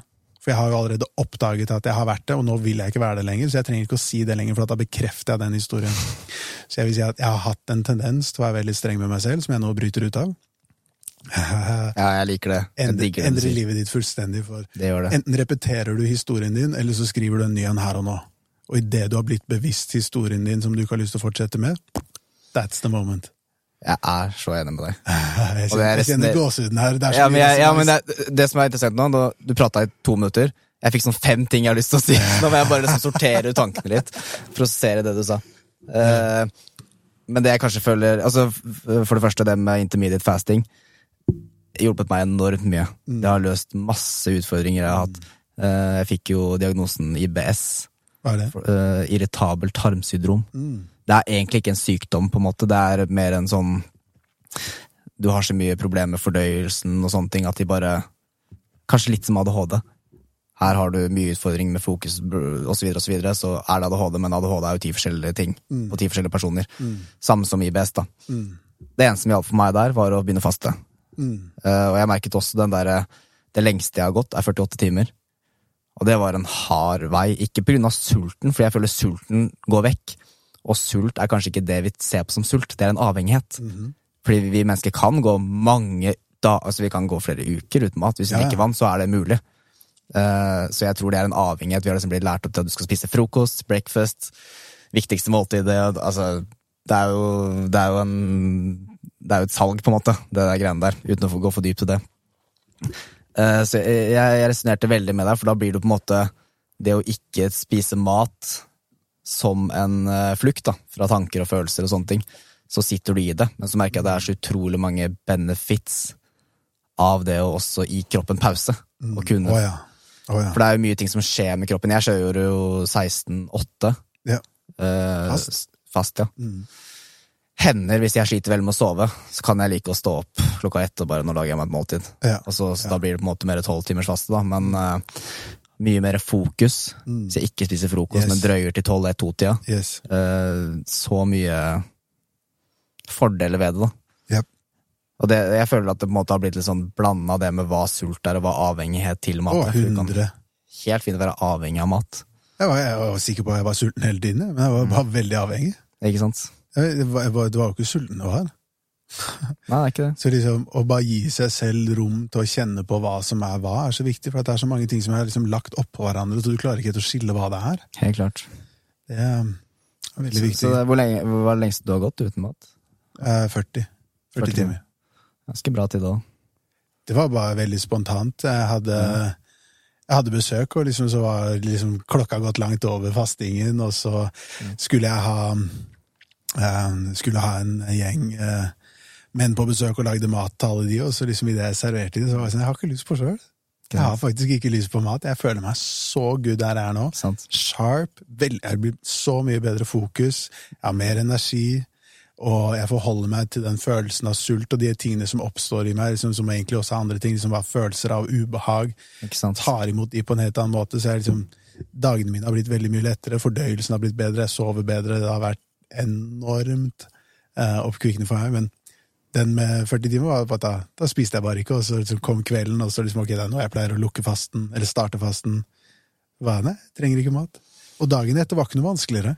Følelsen Da er det kanskje lettere når du våkner, har jeg erfart, da. At du er sulten på kvelden, klarer Ja. å sovne, og så våkner du, og så er du ikke sulten. Det føltes ut som en hvilken som helst annen dag å skulle gå liksom 20 timer uten mat. Mm. Og så liksom, Da jeg valgte å spise, var ikke noe sånn nødvendig å spise da heller, men jeg fikk besøk av mamma, hun hadde med nybakt brød.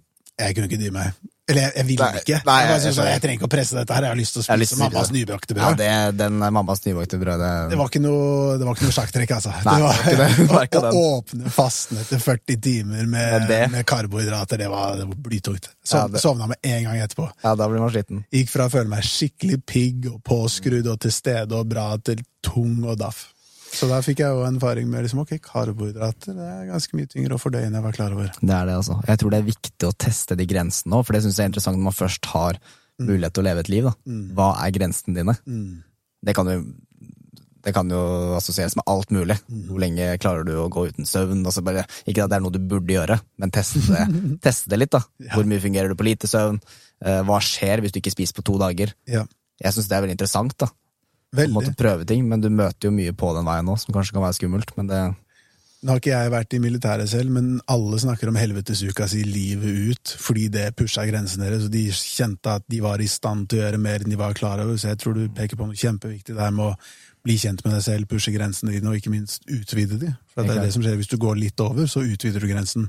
Går du for langt over, så får du mest sannsynlig en ganske dårlig erfaring og velger å trekke den grensen lenger innover. ikke sant? Så man må ha respekt for grensen, men stadig utvide den litt, tror jeg er veldig sunt for å Hvor lenge klarer du å løpe til du bare nesten uh, ikke klarer å puste lenger? Altså Litt sånne yep. type ting. da. Yep. Det minner meg om en ting som jeg har sett nå det siste som jeg aldri har prøvd selv. Og det er, eh, Jeg husker ikke hva konseptet heter, men det går ut på at man uh, får et bind foran øynene, og så skal du ikke se på fem Ja, dager ja, ja, eller syv ja. dager. ja. Jeg husker ikke hva det heter, men det Dark room treatment har jeg hørt. Dark room treatment, ja. Ja. Hvor du er alene, Mm, og så får du servert maten du trenger bare via en luke. mm, mm. Jeg merker at det er noe jeg syns er veldig interessant. Ja, det appellerer fy veldig. søren, det tror jeg er eh, hardt, altså. Ja. ja, jeg har aldri tenkt på det som at det er hardt. Kanskje liksom jeg er bare så nysgjerrig på å gjøre det, men liksom det ville jo mest sannsynlig vært ganske hardt, ja. Uh... Ja, for jeg tror du, det jeg har sett, jeg så en dokumentar om det, og det var liksom bildene som dukka opp da, inni deg. mm. For du begynner liksom å På samme måte som når du sover, så ser du bilder som om det var en virkelighet. ja, ja, ja. Apropos det universet vi snakka om, du har et univers inni deg, ikke sant? Ja, visst, visst. Og, men det kommer liksom ting du frykter mest. da. Det kommer demoner, det kommer masse skitt, men du har ikke noe sted å flykte. Du er i det rommet ditt, da. Og så ser du jo etter noen dager, når de da kommer ut og tar av seg bindet, så er det jo enten en mann eller kvinne, det har ikke noe å si, liksom, du bare faller i gråt fordi du bare Du setter så mye mer pris på det du har, da. Ja. Og du har på en måte gått så dypt i deg selv at du jeg, jeg vet ikke, jeg har jo ikke erfart det selv, så jeg kan jo ikke si helt hvordan det føles fra min erfaring. Men slik jeg har sett det fra andre, så skal det skje en gang i løpet av livet. Å ja. Jeg kjenner at jeg bare har fokusert på den, eh, den, eh, den biten som kommer etterpå. Jeg vet at det er veldig stor, eh, stor gevinst når du er i det, og etterpå så får du den derre wow, når du ser lys for første gang på fem dager. Ikke sant? Jeg har ikke tenkt så mye på hva er det egentlig som gjør at man tjener så mye på å gå inn i mørket. Liksom, hva, Hvilke utfordringer er det man får? For det er jo utfordringer man tjener noe på. Så jeg ble veldig sånn wow, selvfølgelig er det det der som skjer. Det hørtes superintenst ut. Nå er jeg enda mer interessert. Du er det, ja? Ja, å, ja. Skal vi reise til utlandet da, eller? Så det, det drar vi på en sånn fem dager. For det er noe jeg har lyst til. Jeg har lyst til å reise til utlandet, og så oh, ja. gjøre den, for da er det som en tur, på en måte. Men det er jo steder i Norge også, da, hvor du kan gjøre det. Så Er det det? Ja, jeg har jeg søkte opp, og det er noe sånn dark Det er det du sier. Dark room retreatment. Retreat. Treatment eller retreat, ja. ja. Retreat, ja. Uh, Men samtidig så merker jeg at det er et par steg jeg må ta i livet mitt før jeg går dit. Mm. For eksempel det med avhengighet til nikotin, kaffe. Veldig sånn rastløs person. Trenger litt sånn dopamin. Um, så komme over det først, for jeg tror ikke at jeg Jeg vil tørre å påstå at man, i hvert fall fra mitt perspektiv, at jeg ikke er sterk nok til å faktisk klare å fullføre noe sånt. For det tror jeg er, beklager språkbruket, men jævlig tøft. Å sitte syv dager eller fem dager i mørket. Da tror jeg du møter ting eh, som er tøft å gå gjennom, ass. Jeg vil bare virkelig ære deg for uh, den respekten du har for egne grenser der, og innsikten din i egne grenser. Tusen takk. er akkurat det vi snakker om. Hvis du ikke er klar for å gjøre det retreatet, og du gjør det bare fordi jeg skal være fet og jeg skal vokse, så ender du bare opp med å skade deg selv, og så går de grensene enda lenger tilbake i stedet for å bli utvida, som er jo ønsket om å gjøre noe sånt. Jeg kjente det var vanvittig fint å høre deg eh, på en måte kjenne grensen din og lytte til den. Ja, jeg, jeg, jo, takk for det. Perspektivet, Virkelig. det er fint. Um, jeg føler kanskje det er liksom den Det har vært kult å hoppe i det, men jeg føler at jeg ville fått mer ut av det. Da. Det tror jeg kanskje Hvis du går over de grensene først. Det er akkurat det. Selvfølgelig hadde det vært kult å hoppe i det, men du ærer deg selv og tar deg selv så på alvor at du gjør det ikke. Det er virkelig en styrke, det der. sånn. Det, jeg har ikke tenkt på det på den måten. Mm, nei, det skal du ta til deg. altså. Det jeg ta det kan du inspirere vanvittig mange med. Wow. Ja, ja. Takk, Simen. Hyggelig å høre. Ah, Jeg vil jo tro at du har øh, på absolutt mange måter det samme, hvis du kaller den evnen eller egenskapen til å være bevisst over sånne ting. Da. Det å på en måte se litt bevisst på seg selv hva man er klar for ikke klar, og klar for. For det er det sånn tid og sted på ting òg. Det er en Ja. grunn til at jeg ikke har tatt motorsykkellappen. Jeg digger å kjøre motorsykkel. Ja. Men jeg tror ikke jeg er Kanskje nå, Ah, men øh, for et par år siden ikke helt moden nok til å gjøre det. nei. Også en veldig fin, eh, fin innsikt. Og takk som speiler det tilbake. Jeg har aldri tenkt på at det er en egenskap eh, skap jeg har. Og Et spørsmål. Ja. Tror du du kunne gjenkjent det hos Tror du du kunne sagt det til meg hvis du ikke hadde hatt den samme? nei, det er derfor jeg visste at jeg kunne ta det med følelsen. If you spar it, you got it. Ja? Sånn er det bare. Hvis ikke så ville du ikke gjenkjent det. Du hadde Nei. ikke kunnet peke på det. Ikke sant? Og jeg har jo lært det gjennom den harde veien, gjennom at jeg hadde flere, om det var et år eller to eller tre, hvor jeg liksom bare skulle skulle ikke la meg styres av frykt lenger, så jeg skulle bare si ja til alt, gjøre alt jeg syntes var skummelt, og endte opp med ganske masse angst. Ikke sant? Jeg skada meg skikkelig med det. Jeg vokste masse, men jeg skada meg også mye, og det, det tok lang tid å reparere de sårene igjen. Og det var en erfaring jeg skulle ha, en reise jeg skulle ha, nettopp for å kunne bevisstgjøre folk på liksom å ære de grensene sine på den måten. Særlig når jeg holder et space hvor et av poengene er å utfordre grensene sine. Så trenger jeg å være superbevisst på hva som skjer hvis man går for langt i de. da. Og det fikk jeg erfare ganske smertelig. Jeg lærte masse av det, så jeg er veldig takknemlig for det. Men Ja, jeg ville ikke anbefalt noen å ta den reisen hvis ikke ikke de absolutt må. Hvis ikke alle små. Nei, det er jo litt sånn vi snakka om, da. Har sin unike reise. Ja. Jeg vil jo tro at det er derfor du har eh, er i en posisjon, da. Hvor du har evnen til å se andre mennesker, hjelpe andre mennesker, løse noen knuter. Fordi du har Du er en person som har sett mørket, eller vært i ditt eget mørke mørkerom, da, hvis man skal kalle det det. Og på den måten kan du på en måte gå inn i det, det mørket eh, hos andre mennesker òg. For det er jo det er en stor evne, liksom. Hvor mange år siden var det? Og hvordan var erfaringen rundt det å gå for langt med grensene? Og så Åh, det var en eh, vanvittig uh, ubehagelig opplevelse, egentlig. Jeg, eh, jeg hadde vært på, på backpacking, uh, og jeg tror bare det å komme i så mange nye omgivelser og settinger og bli speilet av folk som aldri hadde noen relasjon til meg, eller ikke hadde noen forventning om hvem jeg var, men bare fikk et helt inntrykk av liksom, Oi, sånn er jo jeg! Og jeg fikk et veldig mye penere bilde av meg selv enn jeg hadde før jeg dro. Jeg tenkte liksom, shit, jeg er jo mye jeg fikk, jeg fikk mye mer kjærlighet for meg selv. Sant, så fint. Og så, og så ble jeg ekstremt nysgjerrig på hva mer er under her, hvis jeg bare tør mer. Og jeg tror ingen på det tidspunktet tenkte at jeg ikke var modig, men jeg selv Det er bare jeg som vet, vet hvor mye jeg skjuler. Så da gikk jeg inn for å liksom knallhardt gå inn på å bare gjøre masse mulig, mulig greier, og jeg hadde lyst til å uttrykke meg mer, så jeg lagde podkast, og ehm, jeg husker da jeg satte opp et liveshow, et sånn juleshow, så Og jeg sang også i band, og det var, det var liksom masse greier da. Liksom, jeg skulle ut der og hoppe i fallskjerm og alt mulig. Og da jeg forberedte meg til å ha det liveshowet, så jeg eh, Så var jeg på grensen til å få panikkanfall. Ja, Jeg syntes ikke det var noe gøy. Så tenkte jeg, hva er det jeg driver med? Dette her er jo ikke gøy. Nå gjør jeg det bare liksom for Bare for å gjøre det. Liksom bare skal jeg bare utfordre meg. Liksom bare sånn, og jeg, Mista litt intensjonen i det, på en måte. Ja, bare, jeg var liksom så lei av å være redd av ting, så jeg, bare, jeg måtte liksom bare pushe meg selv til å tørre ting. Men så kjente jeg liksom Jeg har bevist for meg selv i flere år at jeg er jo ikke spesielt redd lenger.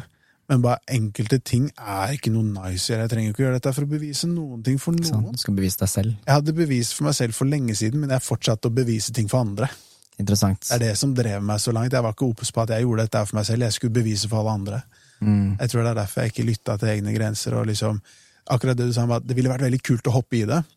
Og hvis jeg så at det ville vært veldig kult å hoppe i det, så kommer andre til å se at å, han er kul som hopper i det. Da skal jeg gjøre det. Mm. For jeg gjorde det ikke for meg selv. Jeg mista liksom, akkurat som du sier, årsaken til at jeg gjorde det. Pusha det kjempelangt og Lærte sikkert masse av det, da.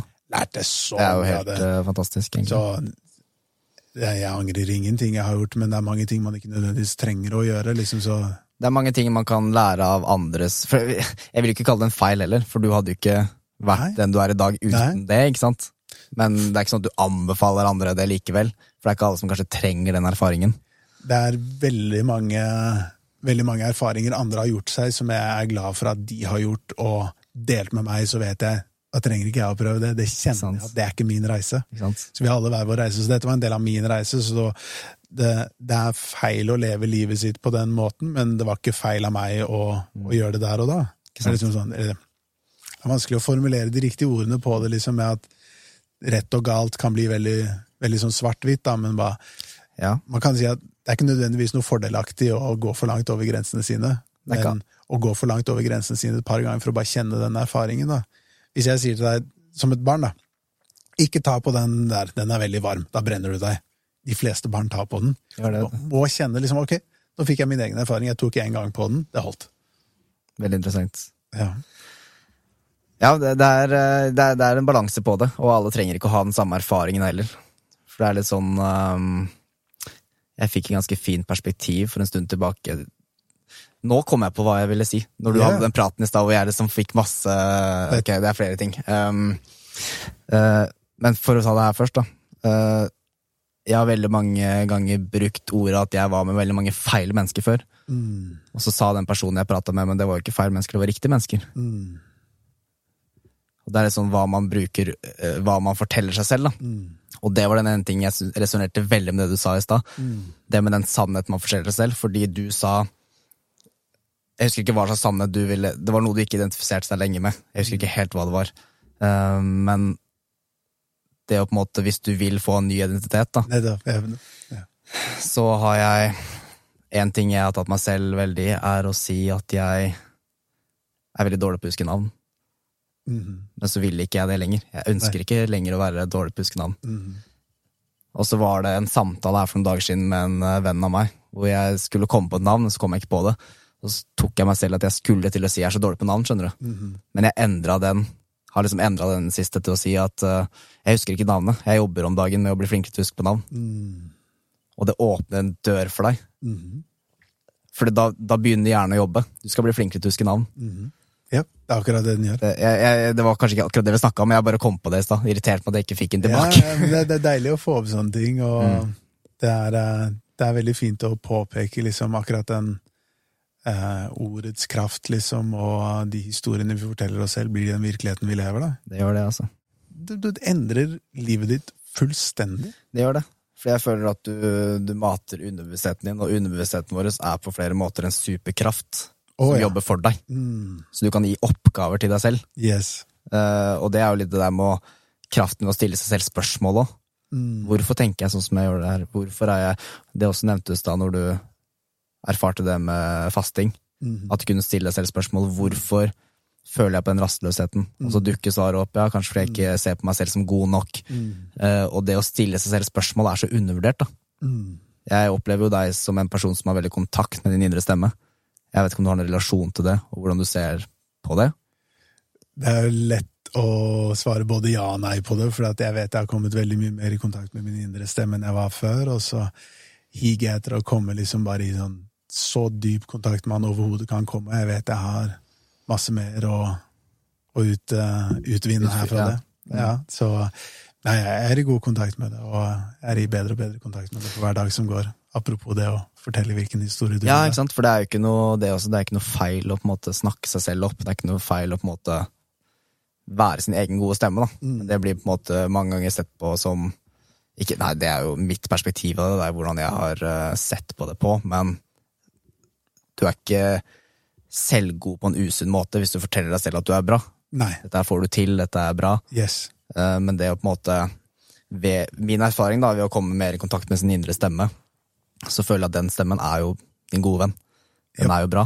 Yep. Men hvis du har veldig mye støy, Mhm. som er i dagens samfunn, det er veldig mye støy, det er karriere, det er sosialt liv, det er telefoner, eh, dating eh, Du er kanskje ikke like mye der nå, da, nå som du har fått etablert familie og eh, fint hus, eller hus på et fint sted, og så videre og så videre. Mm. Men hvis man har alt det støyet rundt seg, så vil den indre stemmen bli distorta, og yep. det kommer feil ut. Så jeg føler den kritiske stemmen kommer egentlig fra din indre stemme, men det blir distorta.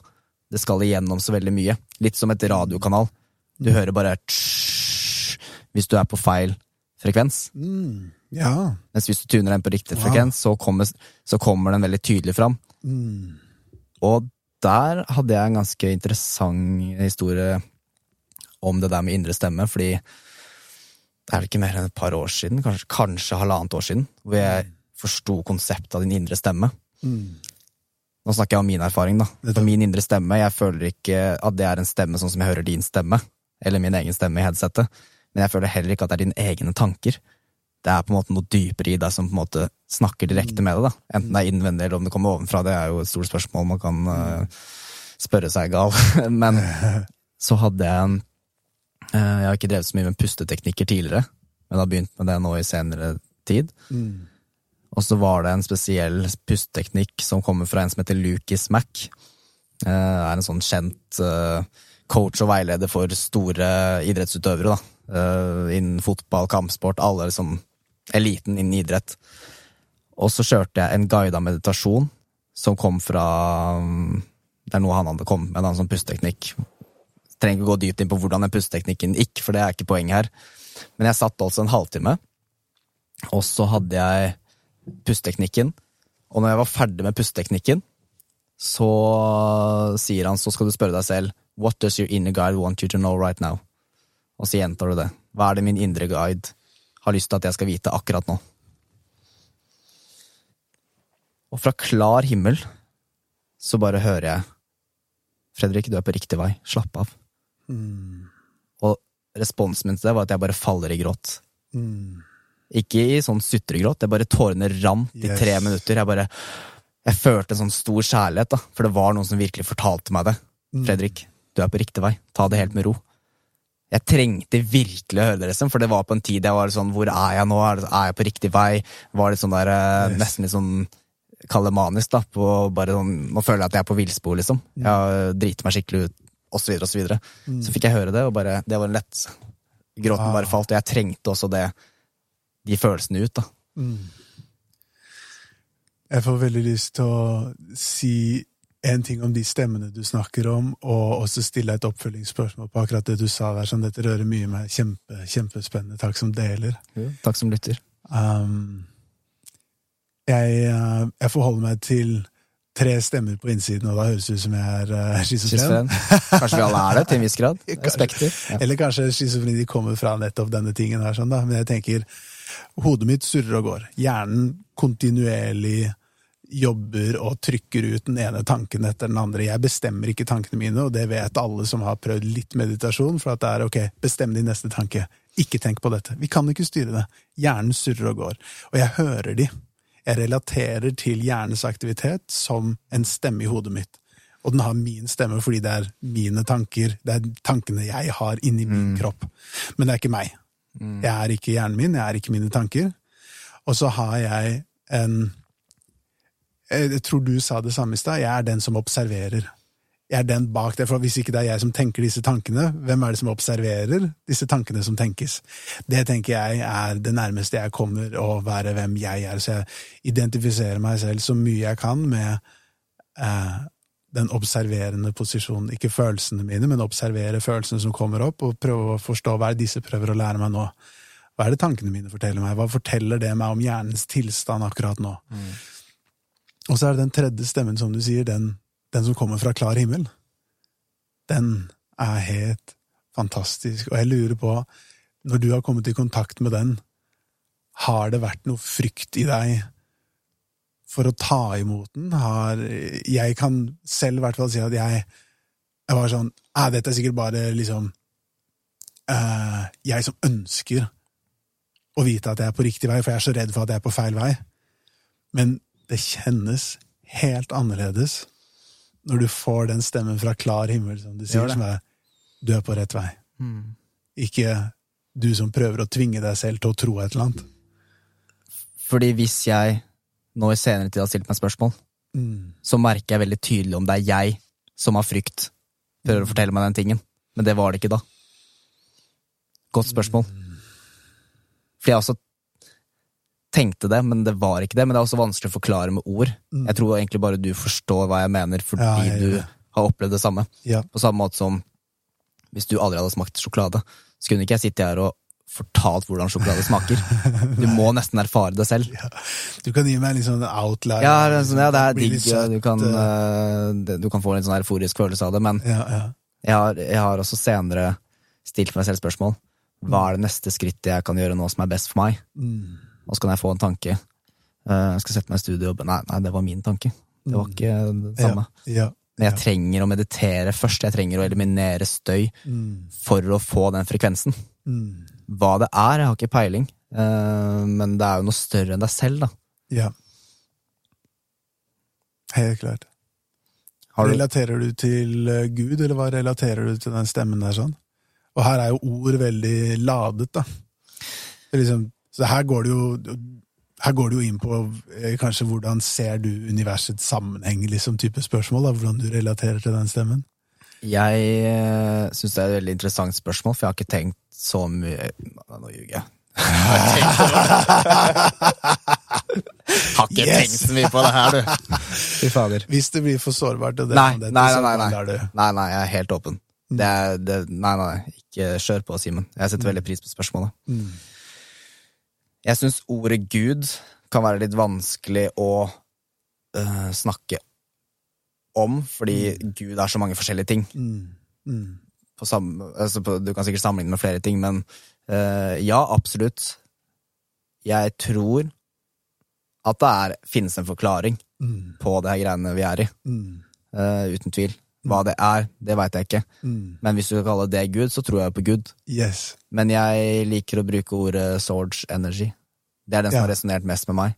Mm. Source Energy. Source Energy. Uh, mange, uh, ikke mange, jeg har noen muslimske venner, jeg har noen kristne mm. venner. Mm. Og jeg føler vi kan prate om samme ting uten at vi prater om samme ting. Eksakt samme. Jeg får så gåsehud når du sier det. Så når jeg snakker med muslimske venner som sier Allah, mm. så sier jeg ja, ja. Jeg skjønner ja. venner, for jeg kaller det Source Energy, så jeg tror ikke det er noe viktig hva man kaller det. da. Nei. Men så var det jo spørsmålet ditt hvor jeg på en måte føler det kommer fra. Uh, jeg, jeg, vet ikke, jeg føler det kan ha flere teorier. Det ene kan være um, Det svarte egentlig på spørsmålet ja, det, det du sa der, sånn, altså. Men jeg, jeg føler også at um, På noen måter så føler jeg at det er folk som elsker meg, som observerer det jeg observerer. På noen mm. måter. Mm. Og at det kanskje kan komme fra de, eller om det kanskje er mine tidligere liv. Jeg har ikke peiling. Mm. Hva med deg selv? Har du, når du er i din indre kontakt med din indre stemme, mm. fra den, da, som. Hva kalte jeg det? Lys fra klar himmel? Nei. Som lyn fra klar himmel. Som lyn fra klar himmel. Ja. Eh, hvordan forholder du deg til den stemmemåten? Hvor føler du at det kommer fra? Mm. Noen ganger så føles det som en indre dialog med et sånn høyere selv jeg har, på en måte, men jeg relaterer også veldig til det du sier med at det er noen som våker over meg og gir meg råd, og um, Nå som jeg har uh, startet med å bli en forfedre, for det er jo det jeg har startet når jeg har fått et barn, så har jeg jo da kjent litt ekstra inn på hvor kommer jeg fra, hva er det jeg fører videre, og uh, som vi gjerne kan ta videre til å snakke om generasjonstraumer, som kan gjøre det litt mer håndfast. For at det er litt sånn passion for meg at når man snakker om disse tingene, så knytter man det inn til noe relaterbart, noe praktisk, noe man kan liksom, noe håndgripelig, da. Noe fysisk, på en måte? Ja, liksom bare sånn, så det ikke bare blir din opplevelse av en sjokolade, og jeg har ikke smakt sjokolade, så jeg vet ikke hva det er, men ah, ok, nå forstår jeg. Men for å gå tilbake på det, så, så kjenner jeg på, på, det med at jeg, jeg, føler at jeg har forfedrene mine i ryggen som vil meg vel, og for mm. de har jo investert sitt som har ført til meg. Så de ønsker jo at det skal ivaretas, og at det skal få det beste utfallet som overhodet mulig. Mm. Og så føles det også som en bare en, eh, en, en, en intelligens som bare orkestrerer dette universet akkurat sånn som det skal være. Da. Så, mm. Sånn sett er det ingenting som er feil, men det er ikke ting som nødvendigvis trengs å repeteres. For ok, nå fikk jeg den erfaringen, nå fikk jeg gått gjennom det.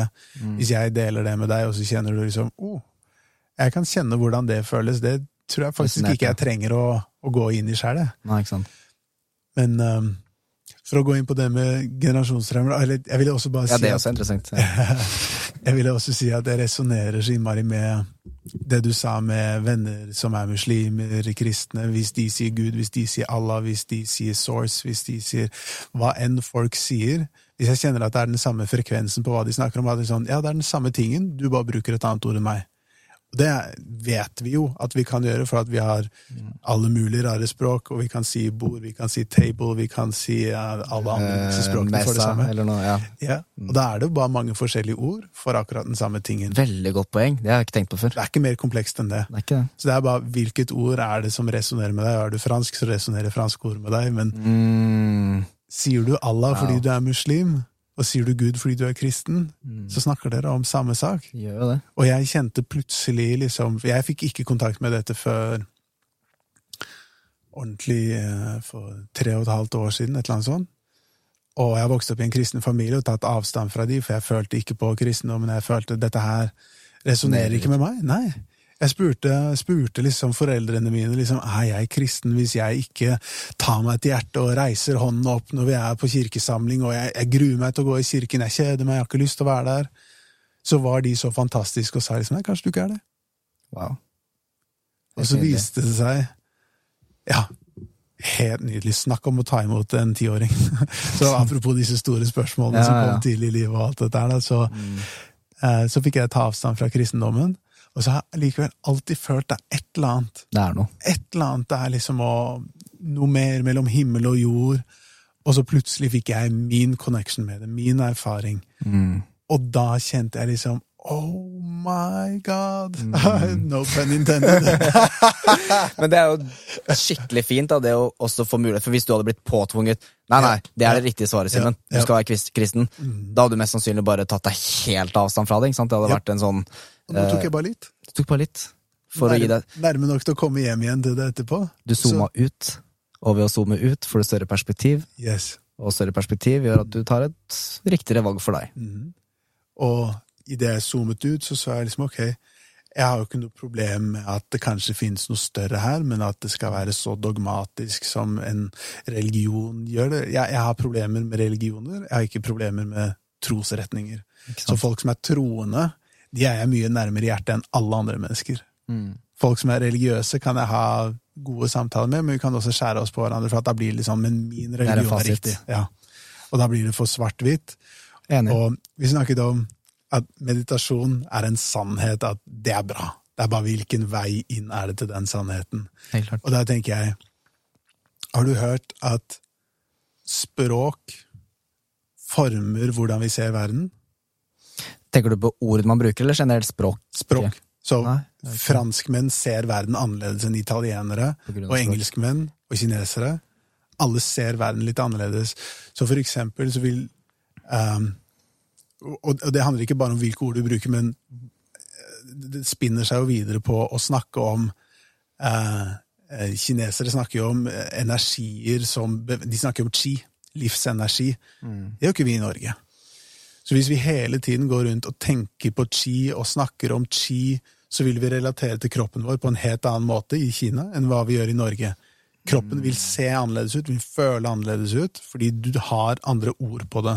Så språket, hvilke ord vi har brukt, det former verdensbildet vårt.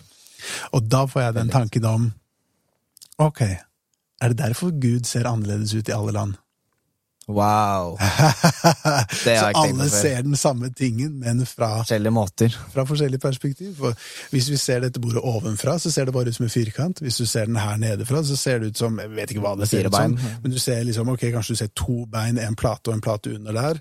Du klarer ikke å se at det er et bord, men det er i hvert fall det er noen linjer og greier, og så ser du litt fra sida der, så ser det helt annerledes ut igjen. Men alle perspektivene ser på den samme tingen, og beskriver den så godt den kan fra der de ser den. Og det er det som er så viktig også, med å faktisk sette seg inn i andres perspektiv Yeah. for å kunne forstå hverandre. Yeah. For hvis jeg sier 'hvilken vei peker tommelen min her, Simen', hva sier du da? Da ville jeg sagt høyre. Ja, men nei, den peker til venstre, ikke sant? Vi ikke Nei, kom igjen. Ja, ja. Men det, liksom, det er så viktig, da. Og jeg har ikke tenkt på det der med at språk Eller jo, jeg har tenkt på det, men ikke på den måten. Fordi det jeg har innsett, eh, noe jeg har lært fra en venn av meg da, som er muslim, er at det ligger mye mer kjærlighet i språket. Altså, ikke at det er noe mer kjærlighet sånn sett, for alle har jo liksom Nei, nettopp, nettopp. Men det ligger i, i mer ordet. Du kaller liksom 'Å, engelen min. Jeg elsker deg'. Eh, Det er litt mer det, selv om det er vanskelig å eh, oversette direkte, men det ligger litt mer i det. Og det gjorde at jeg forsto mer hvordan, hvorfor han har et språk, hvor han er mer sånn han kan si det til venninner og 'jeg elsker deg'. Det er liksom mer Yes, yes. åpen kjærlighet i det. Noe som han også sa da, at derfor kan det virke som at eh, jeg som snakker arabisk da, og har lært meg norsk, vi er mer flørtende med jenter. Men det er ikke intensjonen alltid, det bare ligger i språket. Og der igjen er viktigheten av liksom det der dømminga, at du forstår ikke alltid hele bildet. Men jeg har ikke tenkt på det at man ser verden på en annen måte pga. språk, men det gir jo mening, fordi du har, har en helt annen grammatikk. Du forklarer ting på en annen måte, sånn som spansk. De har jo helt motsatt Ikke helt motsatt, men det er liksom, hvis du overfører direkte norsk, så blir det jo ehm, Hvordan skal jeg si det? Det skiltet blått. Ja, At du snakker om- Du snakker om hva det er først, og så forklarer du fargen. Og bare hvordan de forholder seg til kjønn. Alt er hannkjønn eller hunnkjønn, liksom. Det vil jo forme hvordan du ser verden. Ikke sant? Helt klart. Um, Veldig interessant. er, Takk for perspektivet, Simen. Jeg, ikke- jeg elsker det. Deilig å kunne dele det, liksom. Elsker nye Kjenne, perspektiver. kjenne noe man deler, blir tatt imot. Liksom. Ja, ja, ja. Det er Åpenhet, vet du. God følelse. Og det er jo litt sånn, og der igjen, det går jo tilbake til hvor viktighet, altså viktigheten av energien i ordene. Altså hvordan du velger å bruke ordene dine er så viktig. Ikke bare mot andre mennesker, men hvordan du velger å bruke ordene om deg selv. Mm. Så hvis du sier til deg selv at uh, du er et surrehue, eller jeg er et surrehue, uh, jeg sover dårlig, det blir en sannhet. Yes. Men det kan nok også være utfordrende for mange å høre, fordi da har man ansvaret, ikke sant? Mm. Og grunnen til det jeg sier for mange, er for at jeg kan selv, selv kjenne meg igjen i det. I hvert fall fra tidligere. Mm. At det er sånn For eksempel hvis du er syk, da. Mm. Hvis du er dårlig i formen. Mm-hmm. Uten at jeg har noen altså Uten at jeg selv har noen vitenskapelig bevis, så vil jeg tro at det er enormt stor forskjell på å si at uh, Simen, jeg er syk. Mm. Eller å si Simen, jeg er under healing. Mm. Jeg driver og kvitter meg med sykdom. Driver og kvitter meg med sykdom. Mm. Det tror jeg gjør noe med kroppen. Og det er jo på flere måter vitenskapelig bevist nå, med de nye måleinstrumentene vi har i dag. Visst. Se hvordan uh, immunforsvaret begynner å jobbe mer med deg fordi du Mm-hmm. Og det er veldig interessant.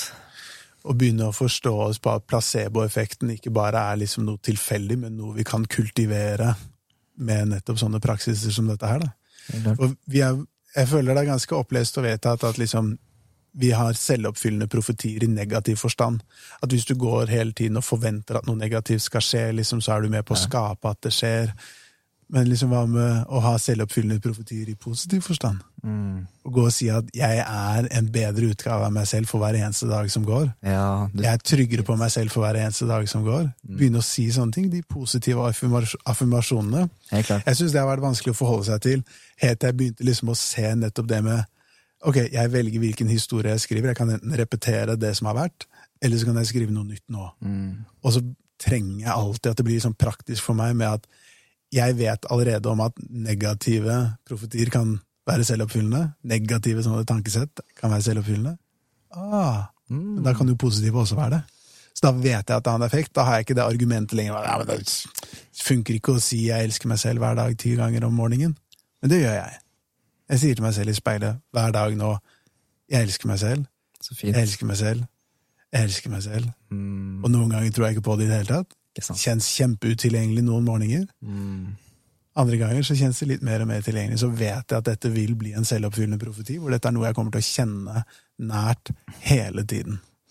Og på samme måte som når du skriver hva du er takknemlig for, Mm. så vil du se mer av det. Mm. Og der også vil du jo ved å si ehm, at jeg elsker meg selv i speilet, Mm. så vil du lettere se flere sider av deg selv som du elsker. Fordi du ser mer Ja. det du fokuserer på, ikke sant? Det er mer på radaren din. Du Det er putter det på bevisstheten din. liksom. Så bare sånn, ja, Den tingen elsker jeg ved meg selv. Å, det er en veldig fin ting jeg gjør. Og en fin ting ved det, da, er jo i hvert fall for å på en måte sette et annet perspektiv på hvordan det fungerer. Mm. Hvis du nå ser deg rundt i rommet, bare ikke noe tanker ut det, så går du på telefonen din og søker opp fargen rød, Mm. så ser du på den i ett minutt, Mm. så løfter du blikket igjen. Der er rødt, der er rødt. Ja. Du ser mer av det du fokuserer på. Mm. Veldig sant. Jeg, jeg, jeg gjør ikke det. Eh, Jeg har hørt det før, og jeg har fått, eh, ikke beskjed, men jeg har fått utfordring av venner at stå opp om morgenen og se deg selv i speilet og si at du elsker deg selv. Eller si, ja, si at du elsker deg selv. Mm. Men jeg har ikke gjort så mye. Jeg har vært mer på eh, å skrive ned hva jeg er takknemlig for Mm. på kveldene før jeg legger meg. Mm. Det er også en veldig fin praksis.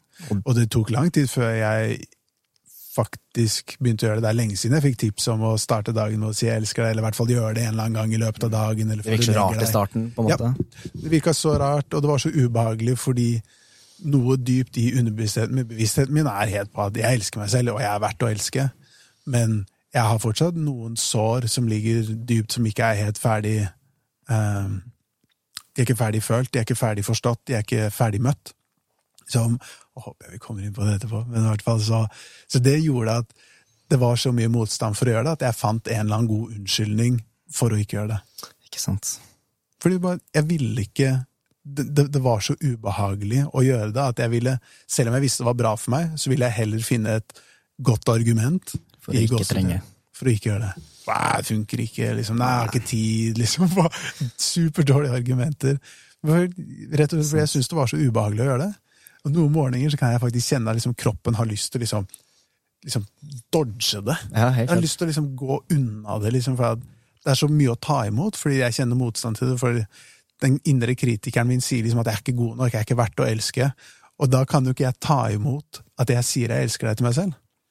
Jeg bestemmer jo alt som skjer på innsiden her. Hvis du sier til meg at jeg er hyggelig, og jeg ikke syns at jeg er hyggelig, så, gi, så tar jeg ikke imot det komplimentet. Betyr det ingenting hva du sier. Hvis Og- du sier at jeg er en dritt, og jeg vet at jeg ikke er det, Så er det ingenting å si. Det er akkurat det, ikke sant? Liksom, alt er her inne. Akkurat det. Og på, for å sette et annet perspektiv på det òg, da. Mhm, Hvis du sier det til deg selv at jeg er en hyggelig person, mhm, så vil det være lettere for andre å gjenkjenne det òg. Mm. Fordi det er jo en energi man utstråler. Visst. Det er veldig vanskelig altså det, er ikke, det er ikke umulig, men det er vanskeligere å elske en person som ikke elsker seg selv. Det er det. Jeg skal, det skal jeg ta med meg videre. Jeg skal begynne å stå opp om morgenen og si det òg. Mm. Det er verdt Starte nå. Jeg elsker å- meg selv. Og så håper jeg du som lytter også sier det samme. Ja. Mm. Det er uh, en virkelig fin Ja, for det føler jeg er en sånn superkraft ved å I hvert fall det med takknemlighet, da.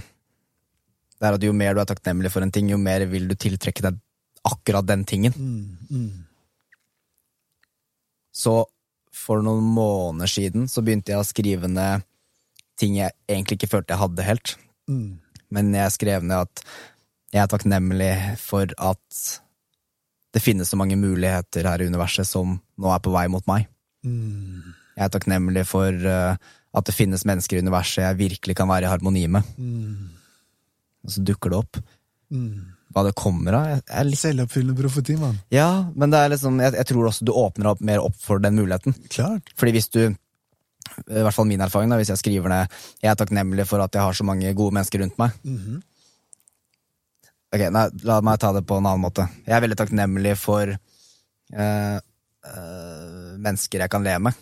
mhm, Og hvis jeg da kommer på skolen dagen etter, så vil jeg ha det mer i bevisstheten min at det er jeg takknemlig for. mhm, Så jeg vil automatisk bare se ja, den personen er jo en person jeg lever med, og underbevisst vil jeg havne i en prat med den personen. mhm. Mens hvis jeg ikke hadde tenkt på det, så hadde jeg kanskje fokusert mer på den personen som ikke ga meg et smil tilbake. Fokusere mer på den personen som kanskje avviste meg litt. Mm. Absolutt. Mm. Det er hvor, hvor, eh, hva du putter på radaren, hva er det du blir bevisst, hva er det du fanger opp, hva er perspektivet ditt. Når du sier selvprofeti, øh, jeg har ikke brukt det ordet så mye, Ah. blir det litt som manifestering? Ja, altså selvoppfyllende profeti betyr liksom å si i morgen kommer det til å regne, det er profetien, i morgen kommer det til å regne, eller om ti år så kommer det til å skje. Og så liksom, fordi det er så mye fokus på akkurat den tingen, så kommer det til å skje. Så eh, det var det jo en um, um, en selvoppfyllende profeti som er veldig lett å, å henge seg på, liksom som ikke er noe sånn voodoo-voodoo, er at hvis du tenker å, nå kommer vi til å begynne å krangle, nå kommer vi til å begynne å krangle når du er sammen med en, så har du en veldig urolig energi. Den andre kanskje plukker det opp, og at dette blir sånn ubehagelig. Og så har begge to det ubehagelig, og når man har det ubehagelig, det er da det er lettest å begynne å krangle og bli uenige. Så da blir det en selvoppfyllende profeti gjennom at du er redd for at jeg skal begynne å krangle med noen, så begynner du å krangle. Hvis du skal skyte straffe i fotball, hvis du tenker 'jeg skal ikke bomme, jeg skal ikke bomme', jeg skal ikke bomme, så tenker bommer. du bomme. Det er det, ikke sant? Så du må tenke 'jeg skal score, jeg skal score, jeg skal score'. Makten ved ordet igjen, ikke sant? Ikke sant. Hvordan du legger ordene Så dine. dette er de selvoppfyllende profetiene. 'Å, shit, jeg, å, jeg kan ikke bomme, jeg kan ikke bomme'. Det er, Det er det samme som å, hvis du skal øh, manifestere deg muligheter og ting, da. Mhm. Hvis du sier at jeg Jeg trenger det. Jeg trenger det. Da, da får du du mer også av det. Nei, men da, ja, men da Ja, sier du Da får du mer av 'trenger'. Ja, ja, ja, ja det, det også, Det det. men du sier også at du ikke har det. Ja, det er, stemmer jo ikke, fordi du har det bare ikke i eh, dette nivået av en fysisk verden. Det Mm. finnes, bare ikke i det universet på en måte du er i. For hvis du klarer å visualisere deg en ting, mm. så er det mulig. Tror jeg, da. Absolutt. En venn av meg sier at Gud har et veldig begrenset ordforråd. Han kan kun ja. Så hvis du sier 'jeg ønsker meg bedre venner', så gir han deg mer av å ønske deg bedre venner. Du får ikke det du ønsker deg, du får det du sier ut høyt. Ordene dine teller. Så hvis du sier 'jeg er så takknemlig for å ha så gode mennesker rundt meg', jeg har akkurat de menneskene jeg trenger, som ser meg, som verdsetter meg, som holder meg ansvarlig, som setter sunne grenser for meg og støtter det som er best for meg for alltid. Mm. Boom! Så sier Gud ja, Ja. og sier han deg det. Hvis ikke du allerede har det. Mm. Men du vet at det er det livet kommer til å gi deg. Det er det du vil ha av livet. Og du vet at livet er godt, så du vet at dette kommer til å komme. Da begynner du med det som kalles manifestering, eller selvoppfyllende profetier, og disse greiene. Og det er jo Sånn. egentlig logisk òg.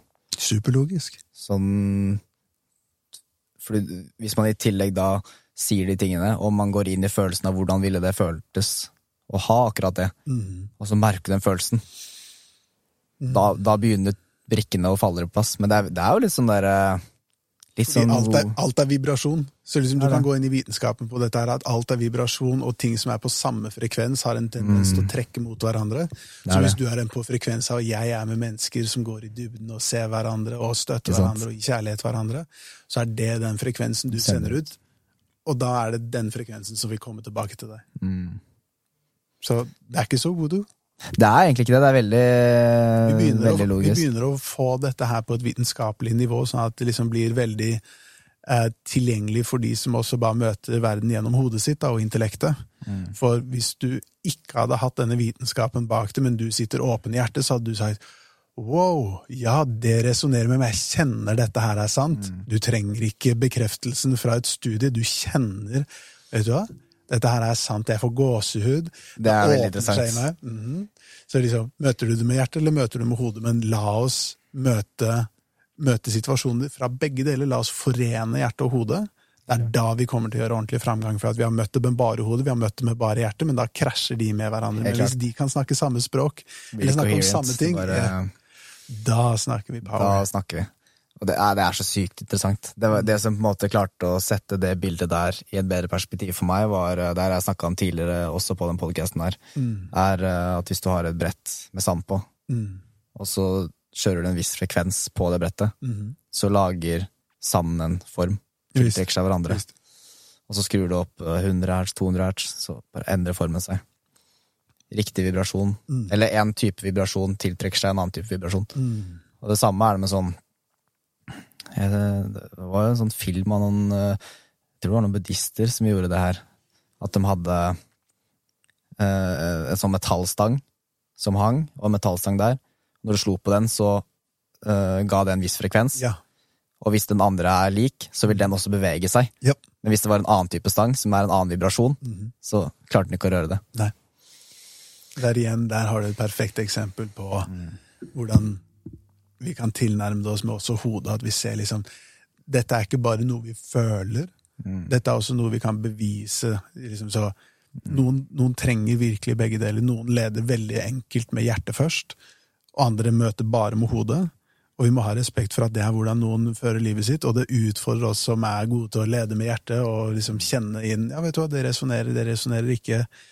Det utfordrer oss til å liksom eh, utvikle også det språkbruket, til å liksom la folk som bare møter det med, med hodet, også forstå, og hjelpe de Ja, for man trenger det språket òg. Man trenger det mellom Visst.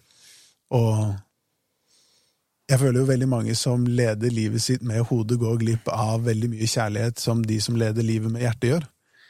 Så når de da du, Hvis jeg snakker med en som bare møter ting i hodet, og jeg ikke er kapabel til å møte de med et intellekt, jeg skal bare si hvordan jeg føler at ting ja, er. Perspektivet mitt. Ja. Kan, ja, da bygger jo ikke jeg noe bro over, og det er jo det jeg ønsker å gjøre med å formidle dette her gjør livet mitt bra. Mm. Men hvis jeg tviholder på et språk som er bare følelser og ikke noe intellekt, fordi jeg vet det er sant, jeg trenger ikke å bevise noe for noen, da er du veldig egoistisk, mens det du egentlig ønsker å gjøre, er å invitere den som bare lever i hodet sitt, og går glipp av denne delen av kjærlighet som du opplever.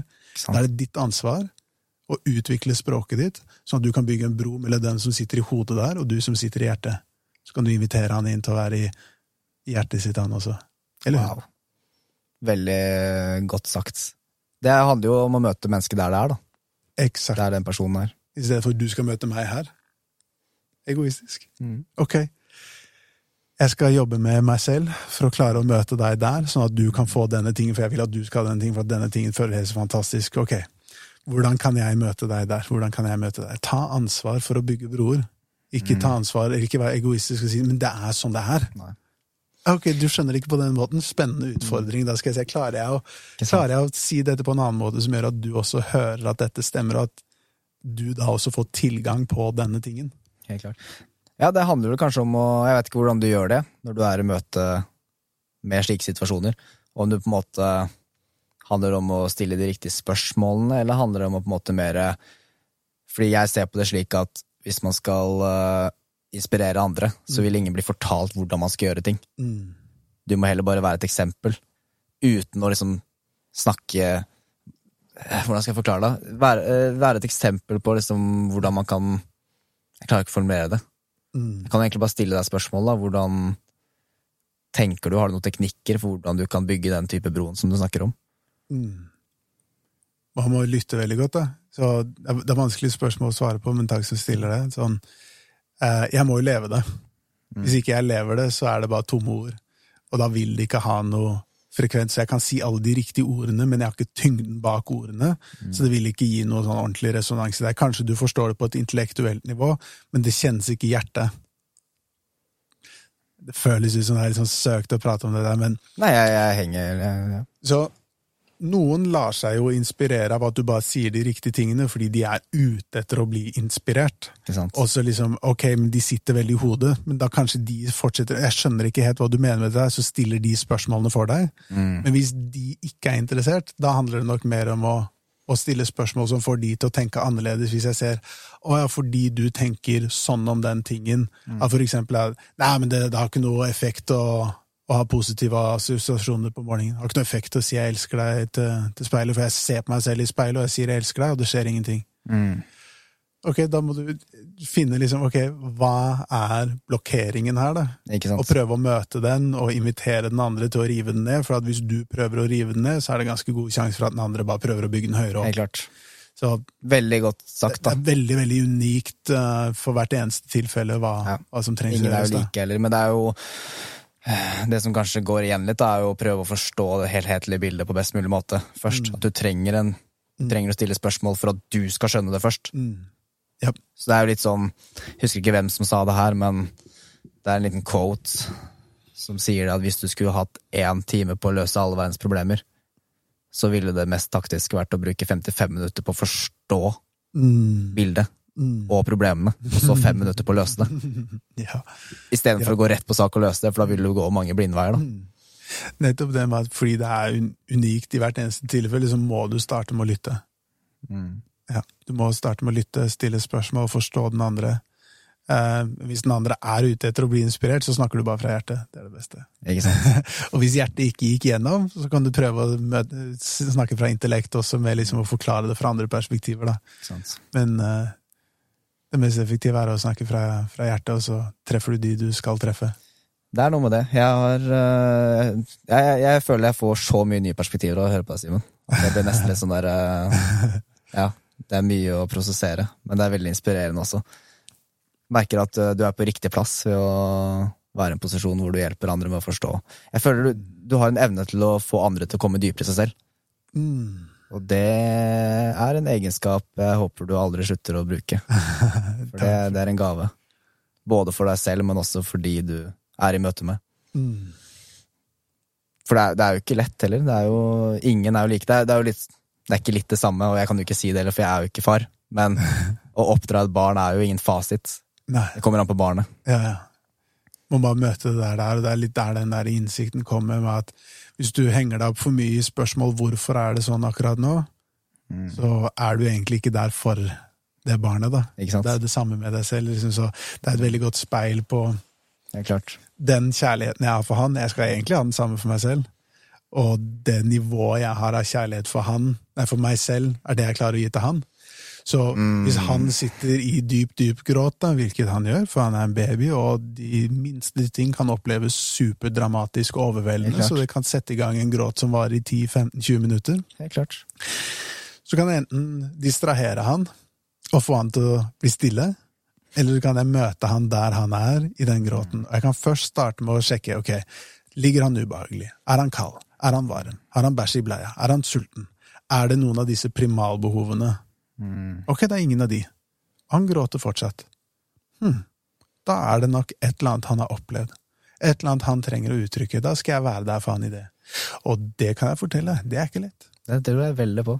det er så krevende, og, eller det kan være så krevende, men for å passe på språket mitt igjen nå, så syns jeg det er helt vanvittig givende å få lov til å være der i hans fulleste uttrykk, hvor jeg er hans trygghet, for han kan ingenting på egen hånd. Han er helt hjelpeløs. Han er helt avhengig av meg. Så han hengir seg fullstendig til meg, full tillit på at jeg skal ta vare på han.